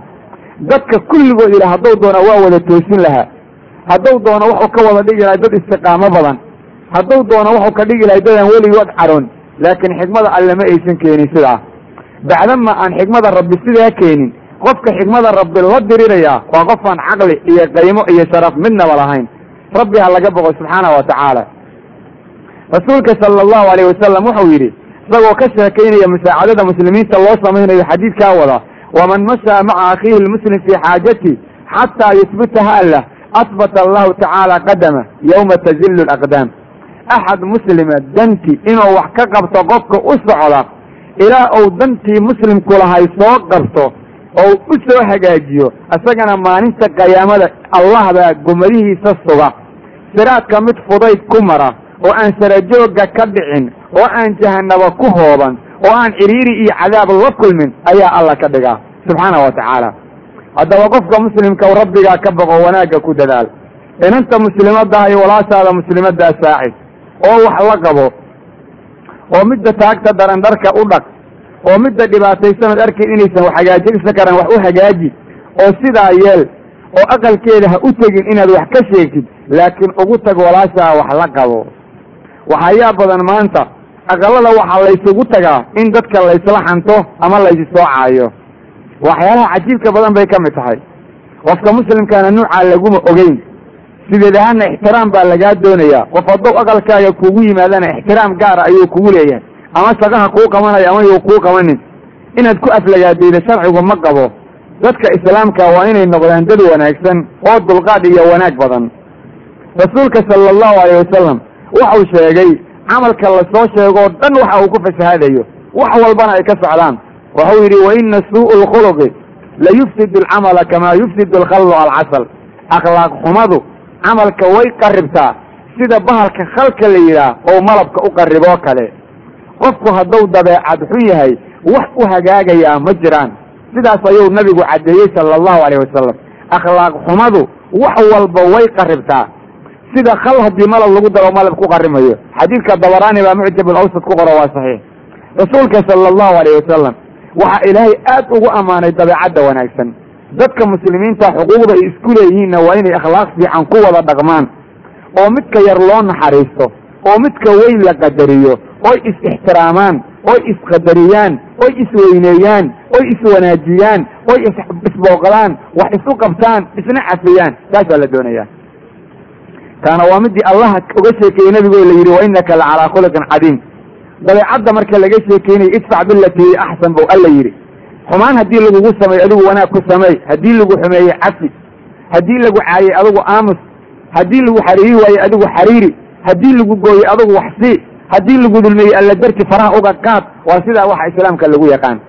Caaishana wax laga weydiiye o layidhi dabeecadihii nabiga noo sheeg. Waxayna tiri nabiga dabeecadiisa qur'aanka ayay ahayd. Qur'aanka sidaa uu yaha ayaa nabiga dabeecadiisu ahayd. Qur'aanku daa'iman dadka wuxuu ku waaniyaa hadallada dhegaysta hadalkaad maqashaanna kiisa fiican raaca. Aladiina yastamicuuna alqawla fayattabicuuna axsana ulaa'ika aladiina hadaahum allah wa ulaa'ika hum ulu lalbaab dadka khayr kale waa kuwe kuwa hadalka dhegaysta ee kiisa wanaagsan raaca waa dadka alla hanuuniyey waana dadka caqliga iska leh. Waa dadka alla u gargaarayo waa dadka hidaayada iyo wanaagga la waafajiyey. Wax kastoo haawiye lagu galana laga dhowray waa dadka maskaxda caafimaadka qabto xaqa lagu garto xumaanta looga tago loogu deeqay. Waa dadka lagu arsuqay diinta ilaalinteeda laguna arsuqay dulli oo dhan inay ka durgaan. Saasaa la garanayaa haddaba dadka islaamka rabbigiin ka cabsada. Wanaagga muslimiinta lagu ogaa bal halala yimaado rabbi ha laga boqo subxaana wa tacaala. Xadiidka aan soo akrinay ninka la yidhaha ibn abi dunya ayaa wuxuu ku qoray sunan qadaa'il xawaa'ij kitaab la yidhaahdo. Danaha islaamka dadka gudaa faa'iidada ay iska leeyihiin. War danaha islaamka wixii aad ka qaban kartid ka qabo. Waxaadan qaban karin ilaah baaba qur'aanka ku yidhi fattaqu llaha ma statactum laa yukallifu allahu nafsan ilaa wuscaha waxaa la yidhaha dadka bani aadamkaa saddex arrimood hadday gartaan wax dhibaba ma arkayaan. Waa marka koowaade hadday gartaan caalamka waxaa ka dhacayaa inay qadar alle yihiin oo ay maamulka alla ka dambeeyaan wax dhibaataa ma ma qabanayaan. Arrinta labaadna waxa weeye waxaysan awood u lahayn inaan lagu kallifin hadday og yihiin oo wax kasta lagu xidhay awood oo qofku awood u leeyahay. Sidaas hadday garanayaanna wax dhibaataa lama kulmayaan. Arrinta kaleo saddexaad waxa weeye oo la doonayo ikhlaas iyo alla darti hadday wax ula jeedaan wax walba way u sahlanaanayaan oo ikhlaas meesha jiro. Maxaa yeele ikhlaasku waa midka kugu xambaaraya inaad wax walbana garatid waxaad qaban kartid alla darti u qabatid. Qofkaad wax u qabato hadduu ku xumeeyo aadan u caroonin. Mid aadan wax u qaban hadduu ku wanaajiye aadan waxba yani aadan si kale u arkin ee aad u garato wax alla alla xaggi ka socda subxaana wa tacaala. Laakiin aysan kugu xambaarin inaad tiraa kana aniga wax ii qabtay. Muslimiinta kanan ka raacayaa weligii. Inta kalena shaqo kuma lihi. Oo waa inaad ogaataan kan ku adeegana inuu alla ku adeejiyey. Kan wax kuu qaba waayaan inay qadar alla sidaa ku noqotay. Taas ayaa lagaa doonaya ikhlaaskuna waa midka qofka ku xambaara haddii la caayo iyo haddii la ammaano waa isaga mid baa la yidhaahdaa. Qofka mukhliska ah ammaan iyo cayb middoodna waxba kama bedesho qofka mukhliska taasaa lagu garanaya rasuulka sala allahu alayhi wasalam waxau sheegay naf walba maalin kasta oo qorxo soo baxdo in sadaqa laga doonayo. Albaabada sadaqadu way fara badan yihiin. Wuxuuna rasuulku yidhi min abwaabi sadaqati waxaa ka mid a altakbiir allahu akbar wa subxaana allah walxamdu wa laa ilaaha ila allah albaabada sadaqaday ka mid yihiin badsada ayuu yidhi sala allahu alayh wasalam waxaa kaloo albaabada sadaqada kamida buu nabigu yidhi astakfir allah waxaa kaloo albaabada sadaqada kamida ayuu nabigu yidhi sala allahu alayh wasalam in wanaagga laysfaro xumaanna layska reebo. Dariiqa ay muslimiintu marayaan in qurunka iyo dhagaxda iyo qodxaanta laga dheereeyo oo laga durjiyo. Yani sadaqada albaabadeeda waxaa ka mida buu nabigu yidhi sala allahu alay wasalam qofka indhala in indha loo noqdo waa qofka jaahilka in xaqa la tusee. Qofka aan dalka kala garanayn meesha uu doonayo in la tuse qofka aan dhagaha wax ka maqli karin in wax la maqashiiyo. Dhaga dhagaha qofka aan wax ka maqlin waa qofkaan diinta waxba ka garanayn si uu wax ku maqlo inaad ka shaqaysid oo wanaagba gaarsiidid axadka afkala macnaha waxaa laga wadaa qofka dhibaataysan ama diin ha u dhibaataysnaado ama dhaqaala ha u dhibaataysnaado ama wax kale ha u dhibaataysnaado waxaad wax uga qaban kartid qofkaa ee uu u dhibaataysan yahay inaad wax uga qabatid sadaqada albaabadeeday ka mid tahay. Sala allahu alayh wasalam axadka doonaya dariiq in la tuso dariiqa la tusaa sadaqada albaabadeeda ka mid a. Waxaa lagaa doonaya inaad u sacaydid dadka dhibaataysan in loo gargaaraa sadaqada albaabadeeda ka mid ah intaas oo dhan qofka sameeyaa waxau yeeshay albaabada jannada ayuu qayb kamida yeeshay waana uu ku liibaanayaa. Sawjka iyo sawjada isqaba isu tegidda ay xalaal isugu tegayaan ilmahooda ay tarabiyaynayaan ayaa sadaqada kamida sow nabigu caddeeyey sala allahu alayh wasalam waa faa'iide aad u weynan badan. Ilmaha la korinayaa sadaqada kamida ajri baa lagaa siinayaa. Haddaad diinta ku barbaarisid haddaad xumaanta ka ilaalisid wanaagga haddaad weligaa ku socotid saas ayuu nabigu noo caddeeyey sala allahu alay wasalam marka walaalnimada aan ka soo sheekaynayni waa midda nagu xambaaraysa in laysu saacido in laysu wanaajiyo iyo in qofka muslimkaa intuu qof bani aadama xaman lahaa inuu carabkiisa ku badiyo takbiirta tasbiixda tawxiidka iyo kelimooyinka ilaahay raallida ka yahay subxaana wa tacaala. Maxaa yeele maalin waxaa jirta wax alla waxaad geysatoo dhan gacanta lagaa soo saarayo. Maalin noocaas ayaa jirta. Maalinta intaan la gaarin wanaagga ka shaqay qofka muslimkaana waxaa laga rabaa inuu iska ilaaliyo. Dadka muslimiinta dhexdooda faaxisho inay ku fido inuu jeclaado. Maxaa yeele qofka dhaleecada ka shaqeeya waxay dhaawacaysaa iimaankiisa iyo islaamka wanaagga uu u hayay. Waayo allah baa odhanaya ina aladiina yuxibuuna an tashiica alfaaxishatu fi aladiina aamanuu lahum cadaabun aliimun fi dunya waalaakhira war bal u fiirsa hadalka alle war dadka jecel ceeb dad islaam u leeyihiin inay fido oo muslimiinta dhexdeeda faaxisha ku fido zine iyo wax daran lagu sheeg sheego hablo iyo wiilal baa saa yeelaya la sheeg sheego xumaan la fidfidiyo meelaha la wadwado la dhaldhaleeceeyo la isdacdacniyo la durduro oo maalin kasta ceeb islaam leeyahay meelaha in la wadwado dadka jecel cadaab jirka lahwiyay adduunka iyo aakhirada leeyihiin. Rabulciza wou yaqaanaa wallahu yaclam wa antum laa taclamuun. Alla wou yaqaan dadka sidaa yeelaya iyo afcaashaa xun laakiin adinku garan maysaan. Sidaasuu rabbi leeyahy subxaana wa tacaala. Dad baa waxaad moodaa in lagu yidhiba haddaad qof islaama ceeb ou leeyahay tarwiijidaan oo aad faafisaan ood ummadda ugu sheekaydaan jannaad ku gelaysaan. Dad baad moodaa in sidaa lagu yidhi. Rabbi ha laga boqo subxaana wa tacaala qofka aad aragtid inuu dadka muslimiinta dhaleecayntooda fidinayo waa qof yani daalim eh u gargaar. Waa walaalkaa daalime u gargaar. U gargaar. Gacanta ka qabo joojida waxaad wadid rasuulkuna watuu xadiis saxiixa ku yidhi unsur akhaaka daaliman ow madluuma. U gargaar qofka walaalka ee muslimkaa haddii uu gardaran yahay haddii laga gardaran yahaba garanay haddii laga gardaran yahay seen ugu gargaarnaa hadduu gardaran yaha nabiga lagu yidhi sala allahu alayh wasalam rasuulku wuxuu ku yidhi taxajusuhu wa tamnachu can idulmi fa ina dalika nasra. Waxaad ka mancinaysaa ood ka reebaysaa dulmiga taasaana gargaarkiisa iyo wanaajintiisa ah. Iswanaajiya oo rabbigiin ka baqdaa la leeyahay oo dadka dulmiga wata gacmaha ka qabta. Dadka faaxishada filinaya gacmaha ka qabta.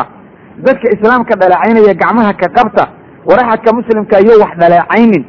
Bal ka waran aad u weynan badan soo ma ahan adigoo inan muslimada ah oo lagugu ogaa aamus badi aadaab iyo deganaan aqalka bixid la'aan iyo inaadan dadka la warwaramin khayr inuu kaa soo baxayo mooyaane. Hadallo aad ku hadasho ceeba hadday dariiqada wareegayaan.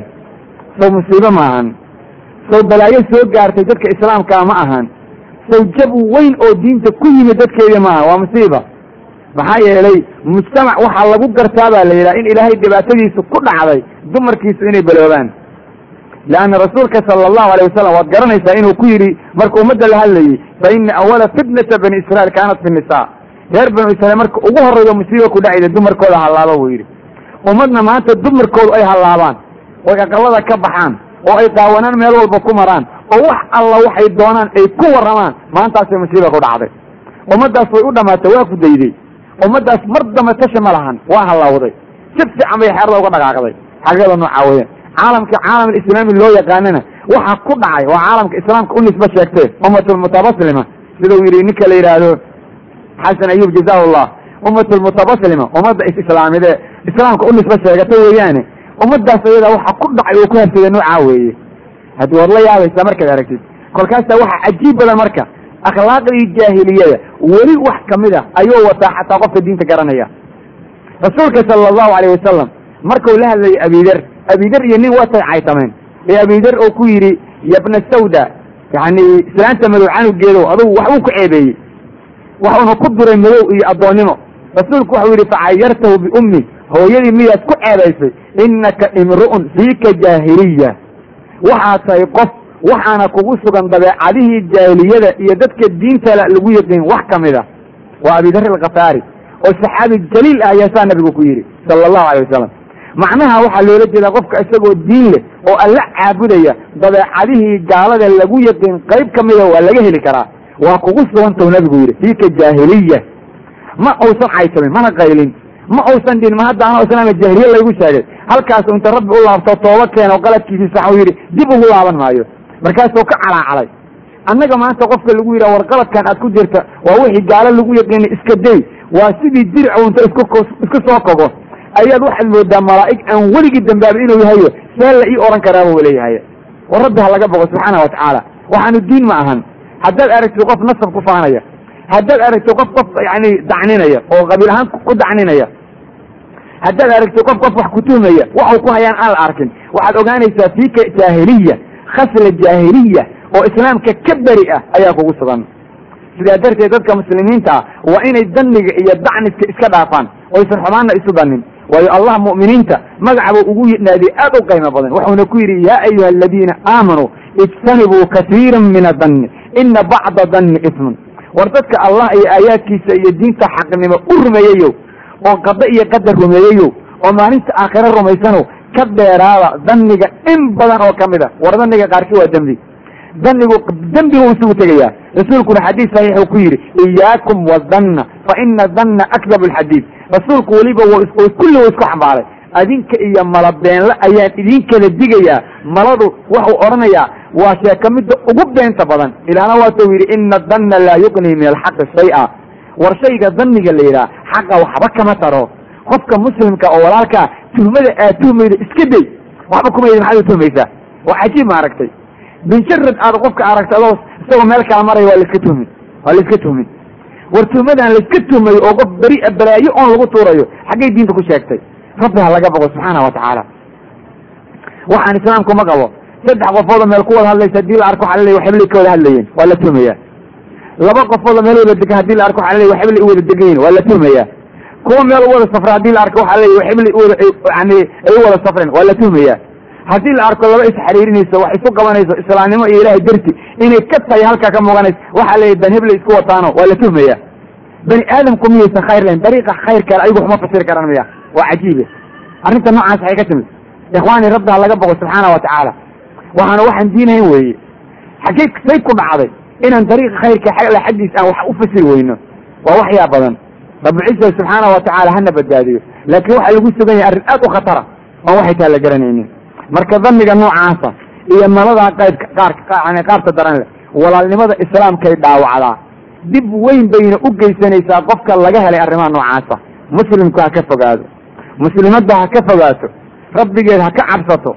Inanta muslimadda ha noqoto inan aan dadka xumaan u danin taasaa la doonaya waxaa laga doonayaa qofka muslimka weliga inuu muslimiinta u duceeyo.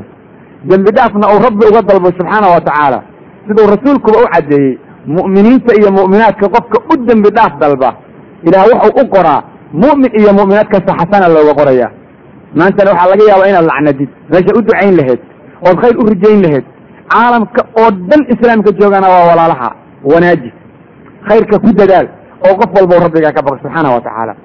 Dadka muslimiinta waxaa laga rabaa tacaawun. Tacaawunku waa midkan shalay ku bilownay waanadeenna markii aan ka soo hadalnay tilmaan yar oo inanta muslimadda laga doonayo waxaan ugu horumarin hadalkeena watacaawanuu cala albiri wataqwa war dadka islaamka isi saacida isna wanaajiya. Wixii khayra isu kaalmaysta shar iyo balaaye marka la gaaro ha iskaalmaysanina shar ha isu kaalmaysanina. Waayo allah yidhi walaa tacaawanuu cala alismi walcudwaan. Subxaana wa tacaala. Marka rasuulka sala allahu alayh wasalam oo arrintaa cabiraya waxa uu yidhi balmaqla waxuu rasuulku odhanayaa almu'minuuna karajulin waaxid muslimiintu waxay la mid yihiin dadka iimaanka le hal qof ayay la mid yihiin rajul waaxida oo kaliya. In ishtakaa ra'suhu tadacaa saa'ira aljasadi bisahri walxumaa madaxa hadduu ka xanuunsado qofku jirka intiisa kale waa qandhanayaa waana soo jeedayaa dadka iimaankalu saas ayay isu yihiin buu yidhi salawaatu ullahi wasalaamu calayh. Soo rasuulku ku sheegay xadiis muslim ku sugan. Waa hal jasad keliya halkii jasad sagaal iyo labaatan qabiil ka badan hadduu noqday bal ka waran halkii jasad sagaal iyo labaatan xisbi oo aan la aqoon magacyadooda hadduu noqday bal ka waran halkii jasad haddii uu noqday afartan iyo dhowr gurub oo aan gurub walba meel ugu socda la garanayn bal ka waran sawyaa ma ahan. Sawyaa ma ahan. So wax lala tacajubo ma ahan. Jir waaxidaha lagu sheegay. War qof jirkiisa ma qaybsami karaa. Gacanta gaar ma loo goyn karaa. Lugta gaar ma loo goyn karaa. Mase noqon karaa qofkii qaymo? Ma yeelan karaa? Waa maya. Waa waxyaa badan. Siday ku dhicin kartaa marka. Waxyaalaha qaar inay yimaadiin qofka yani jirkiisa ma noqon kartaa inuu nuucaa noqdo. Ma kala googo'i karaa qofkii muslimka ahaa. Ma noqon karaa qofkii muslimka qof cadow laga dhigo. Laa ilaha illa anta maya. Bal haddaba jasad waaxida ayaa lagu sifeeyey sow kulama ahan oo ma kuu cadda. Haddii ay kala dhaqaaqaan muslimiintu inay noqdeen hal qof jirki oo gacanta gaar loo gooyo lugta gaar loo gooyo madaxa gaar loo gooyey. So sidaa ma noqonayaan. Nacam lugta haddii lagaa gooyo waad hitinaysaa gacanta haddii lagaa gooyo wax ma qaban kartid. Madaxa haddii lagaa gooyona nolo nololo kuma jirto. Maba noolaanaysidba. Haye dadka islaamka hadday kala dhaqaaqaan sidaasay noqonaysaa xaaladdu. Markaasaad arkaysaa qofka lugta iyo gacantu ka maqan tahay sida uusan wax u qabsan karin baysan waxba u qabsan karaynin. Tacbiirkan uu nebigu bixiyo waa mid yaa badan. Qofka haddii lug iyo gacanu isla maqan yihiin waxa uu qabsan karaa aad bay u yar yihiin. Soo ma ogidin sidaa markay sidaa tahay muslimiintii haddii gacan iyo lagu isla maqnaadeen oo qaarkood ou dhaqaaqay waa waa kala dhaqaaqeen. Waxay qabsan karaan ma lahan bal ka waran afar labada lugood iyo labada gacmood qofka laga gooyey. Waa qofka keligii noqday oo islaamka oo dhan ayuu qofka keligii meel u dhaqaaqay. Sidaa markay xaaladda noqoto war qofkaas oo cunta u cunaya afkaa loo gelgelinaya sida u soconaya waa gurguuranaya sarkuu ku riqaya haye meel miyuu gaari kara mase meel buu wax ka qabsan karaya? Waa kalla wax qabsadaa dadka islaamka hadday midoobi waayaan oo ay walaaloobi waayaan oo ay isjeclaan waayaan oy xanta iyo barabagaanka cadaawada iyo caloolxumada danni xumada iyo balaayada isxamashada iyo isubensheegidda isnacaybka iyo xaasidnimada ay jooji waayaan sidaasaa ku dhici doonta. Waana sidaa. Meel kale ha ka raadine qof jirkiisa la googooye kali adigu cabir rasuulka sala allahu alay wasalam misaalka markuu ka bixiy wuxuu yidhi war muslimiinta isjacaylkooda isnaxariisadkooda isxariirintoodu jir bow la mid yahay. Haddii jirka meelu xanuunto inta kale qofka waa xanuunsanayaan qofka muslimka ah ee ku dhaawacmaya ama dhibka ku haysta algeria waa inaad ka dhaqantaa kan muslimka ah oo uu ku soo dhacayo qoraga iskaadka la yidhaah oo ku jira yacni dhufayska ugu horreeya afghan. Oo hortay hor ka hor yaalla jalaal abaad amase magaalada la yidhaha kabul. Waa inaad aad uga tiiraanyootaa.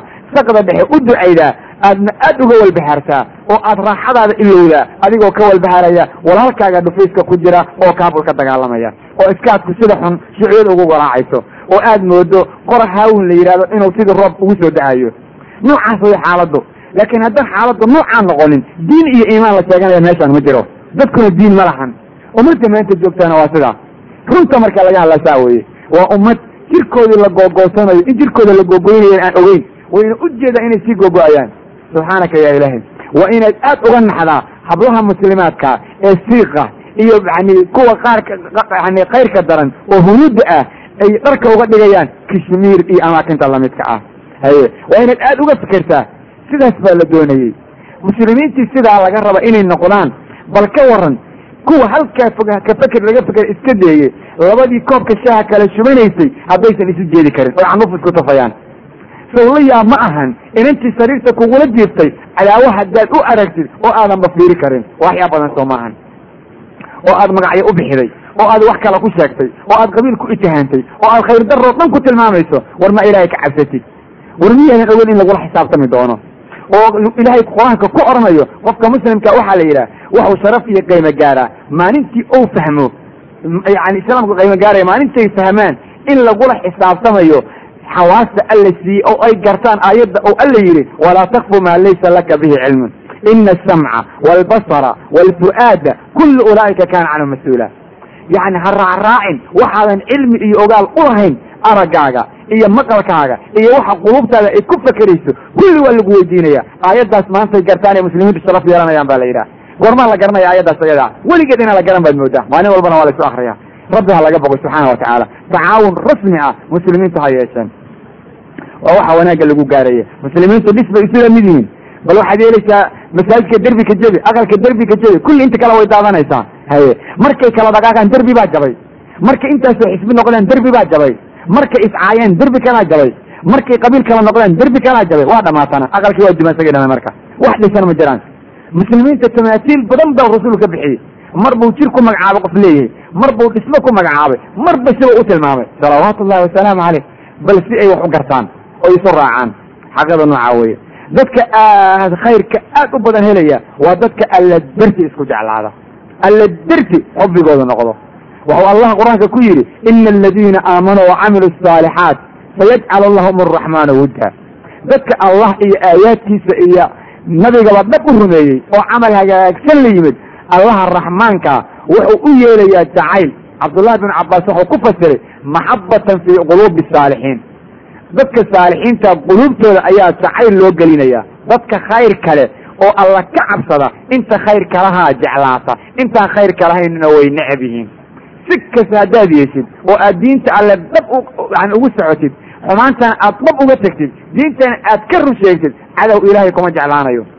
Cadow ilaahay kuma jeclaanayo. Axad dadka iimaan kalena way ku jeclaanayaan. Axad diinta alla u shaqaynaya intii khayr la oon baa jecel inta kale khayr ma lahan oon khayr kale ma doonayaan. Marka dadka alla darti isu jeclaada oo xubbigaa diinigaa isu qabaa way liibaanayaan. Rasuulku markuu ka sheekeeyey sal alla alay slam toddoba qofood oo carshiga harsanaysa wuxuu ku soo daray xadiidkii ku sugnaa bukhaari iyo muslim. Rajulaani taxaaba fillah ijtamaca calayh wa tafaraqa calayh laba qofood alla darti isu jeclaaday oo ku kala tegey isuguna yimid. Alla darti waa laba rajul. Alla darti laba qofood oo kastoo muslima way soo gelayaan meeshaan waa inay dadku alla darti isu jecel yihiin alla dartina u kulmayaan. Waxa meesha ku jira noocaa weeye si kale ma jirto.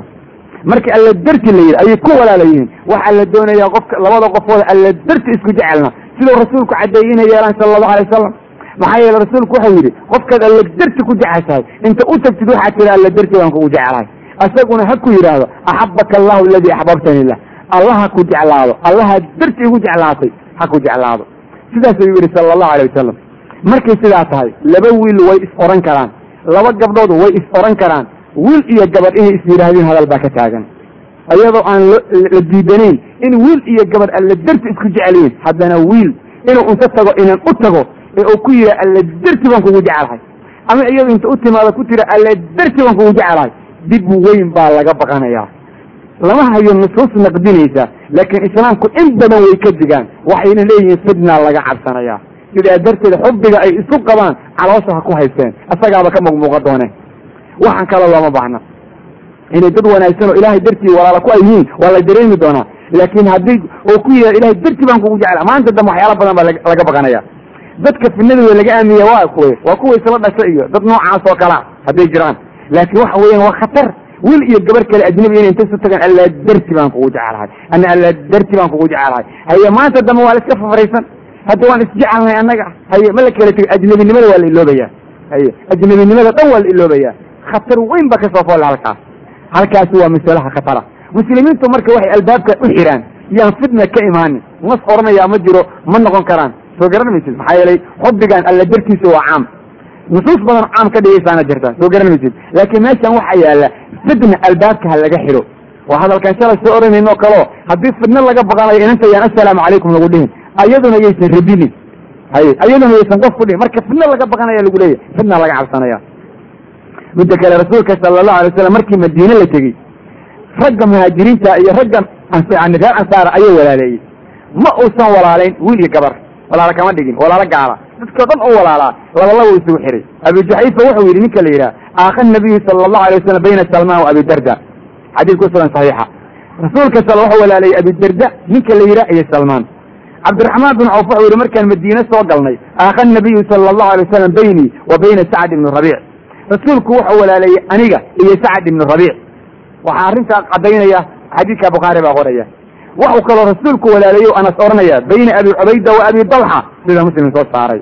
Halkaas marka waxaad ka garatay weliba ayadoo walaalo la yahay oo laysjecel yahay ba haddana la doonaya dadka qaar inay si gaara isugu sii xiraadaan rasuulku labalabo isugu sii xiray. Say laba walbaa dhaqaalaha gaar ugu wadaagaan qofka yani walaalka runta kula ahna khatar wey arrintiisa.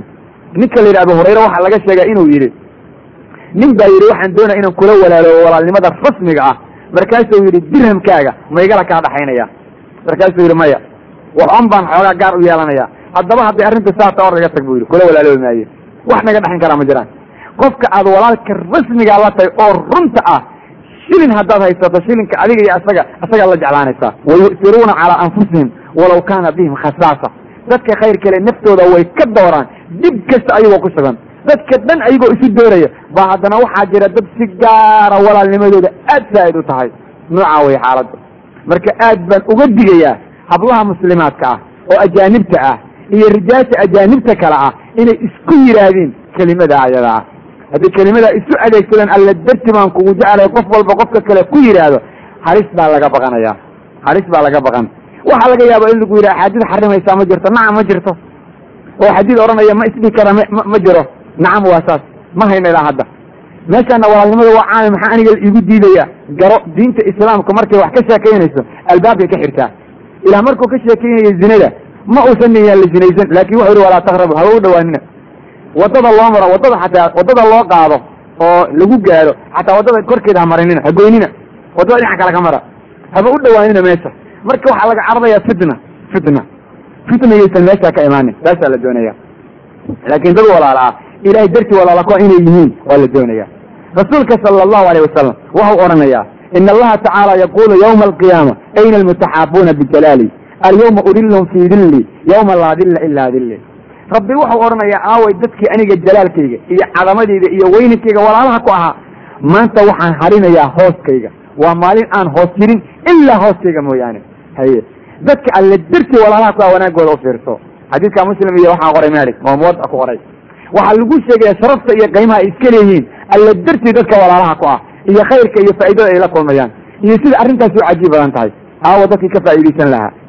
Aawo jiilkii arrinta ayada u lahaa oo ilaahay darti dad isu jecel noqon lahaa. Dadka ilaahay darti isu jecel waa lagaaga sheekay doonaa. Ma isku qabiil ba ma isku jinsiyad ba waxaasoo dhan waa lagu diidi doonaa.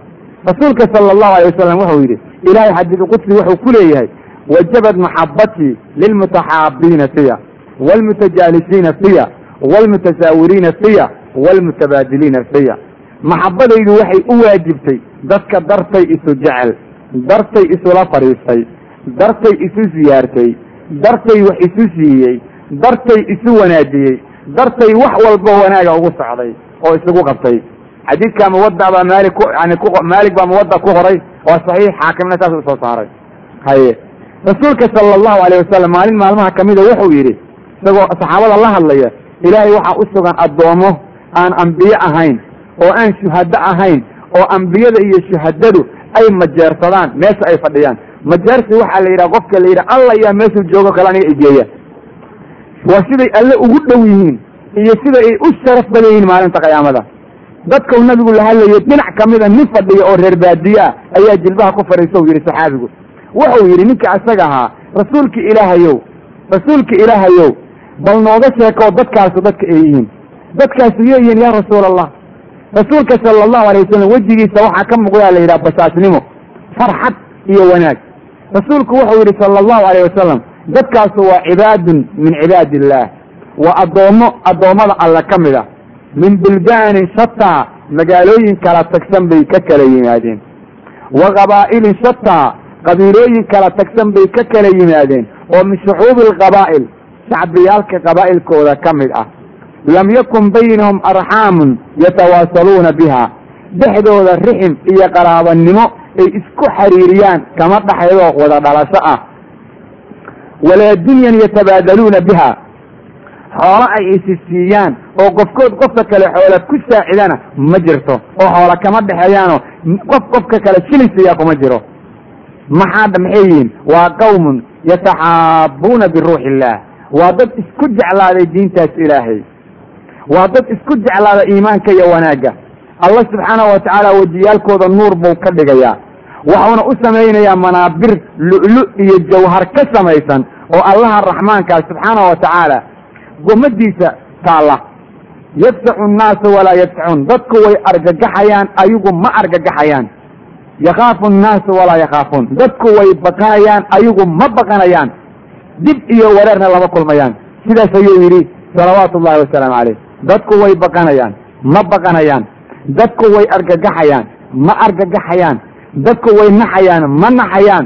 Xadiidka isaga sanadkiisa marka duruqdiisa la jamciyo ayuu saxiix yahay. Xaakim iyo axmed baa soo saaray shawaahid buu leeyahay maca shawaahiddiisa marka la isku daro ayuu saxiix ku noqonaya waa cajiib maaragtay dadka alle darti isku jecla waa lagu sheegay sida ay yihiin. Qabaa'ilin shata bulbaanin shata magaalooyin kala durugsan qabaa'il kala bedelan ayay ka kala yimaadeen. Xoola isma siiyaan oo xoola iskuma jeclaan. Maxaa yeele qofkaad wax siido waaba qasab inu iska kaa jeclaado. Ilaa xoolaad siday quluubta bani aadamka lagu dabceeyey lagu dabeeceeyey qofkii wanaajiyey inay iska jeclaato qofka xumeeyana iska nacdo waa lagu dabeeceeye waa dabeecadda bani aadamkaba waa fitra lagu khalqa insaanka. Ma ahan xoola isma siin.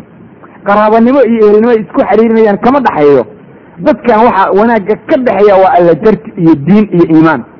Noocaas weye labadoodana labadaa qofood oo noocaas walaalaha ku noqotay iyo dadka noocaasana waxa alla agtiisa ku sii khayr badan.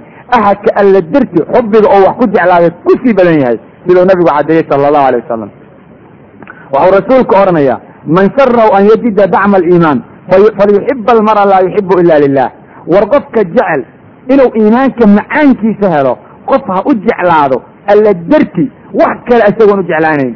Alla darti mooye wax kale isagoon u jeclaanayn qofku qof ha jeclaado wax kaloo u jeclaanaya ma jiraan. Wax kaloo ku xambaaraya ma jiraan. Macnuhu saa weeye. Qofkaas ayaa wanaag iyo khayr gaaraya. Qof kaloo khayr iyo wanaag gaaraya ma jiro. Xadiidkaas waa xasan. Waxaana soo saaray axmed iyo dayaalisi iyo ninka iyo xaakim. Alla darti u jeclaaw dadka. Waxaa kaloo lagaa doonayaa. Haddaad iimaan iyo diin leedahay qofka aad yani muslimkaa waxaad naftaada u jeceshay u jeclaaw.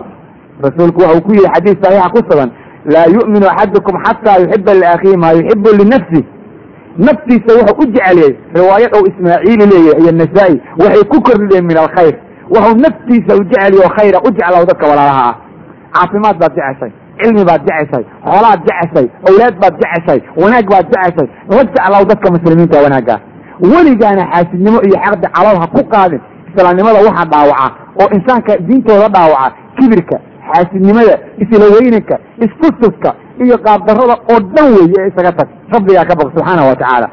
Weligaa qof muslima dhibaatadiisa ka shaqayna axadki ilaahay darti wax kugu sii kugu kugu su'aasha sii. Qofkii alla darti kugu magangela magangeli qofkii wax kuu qabta ama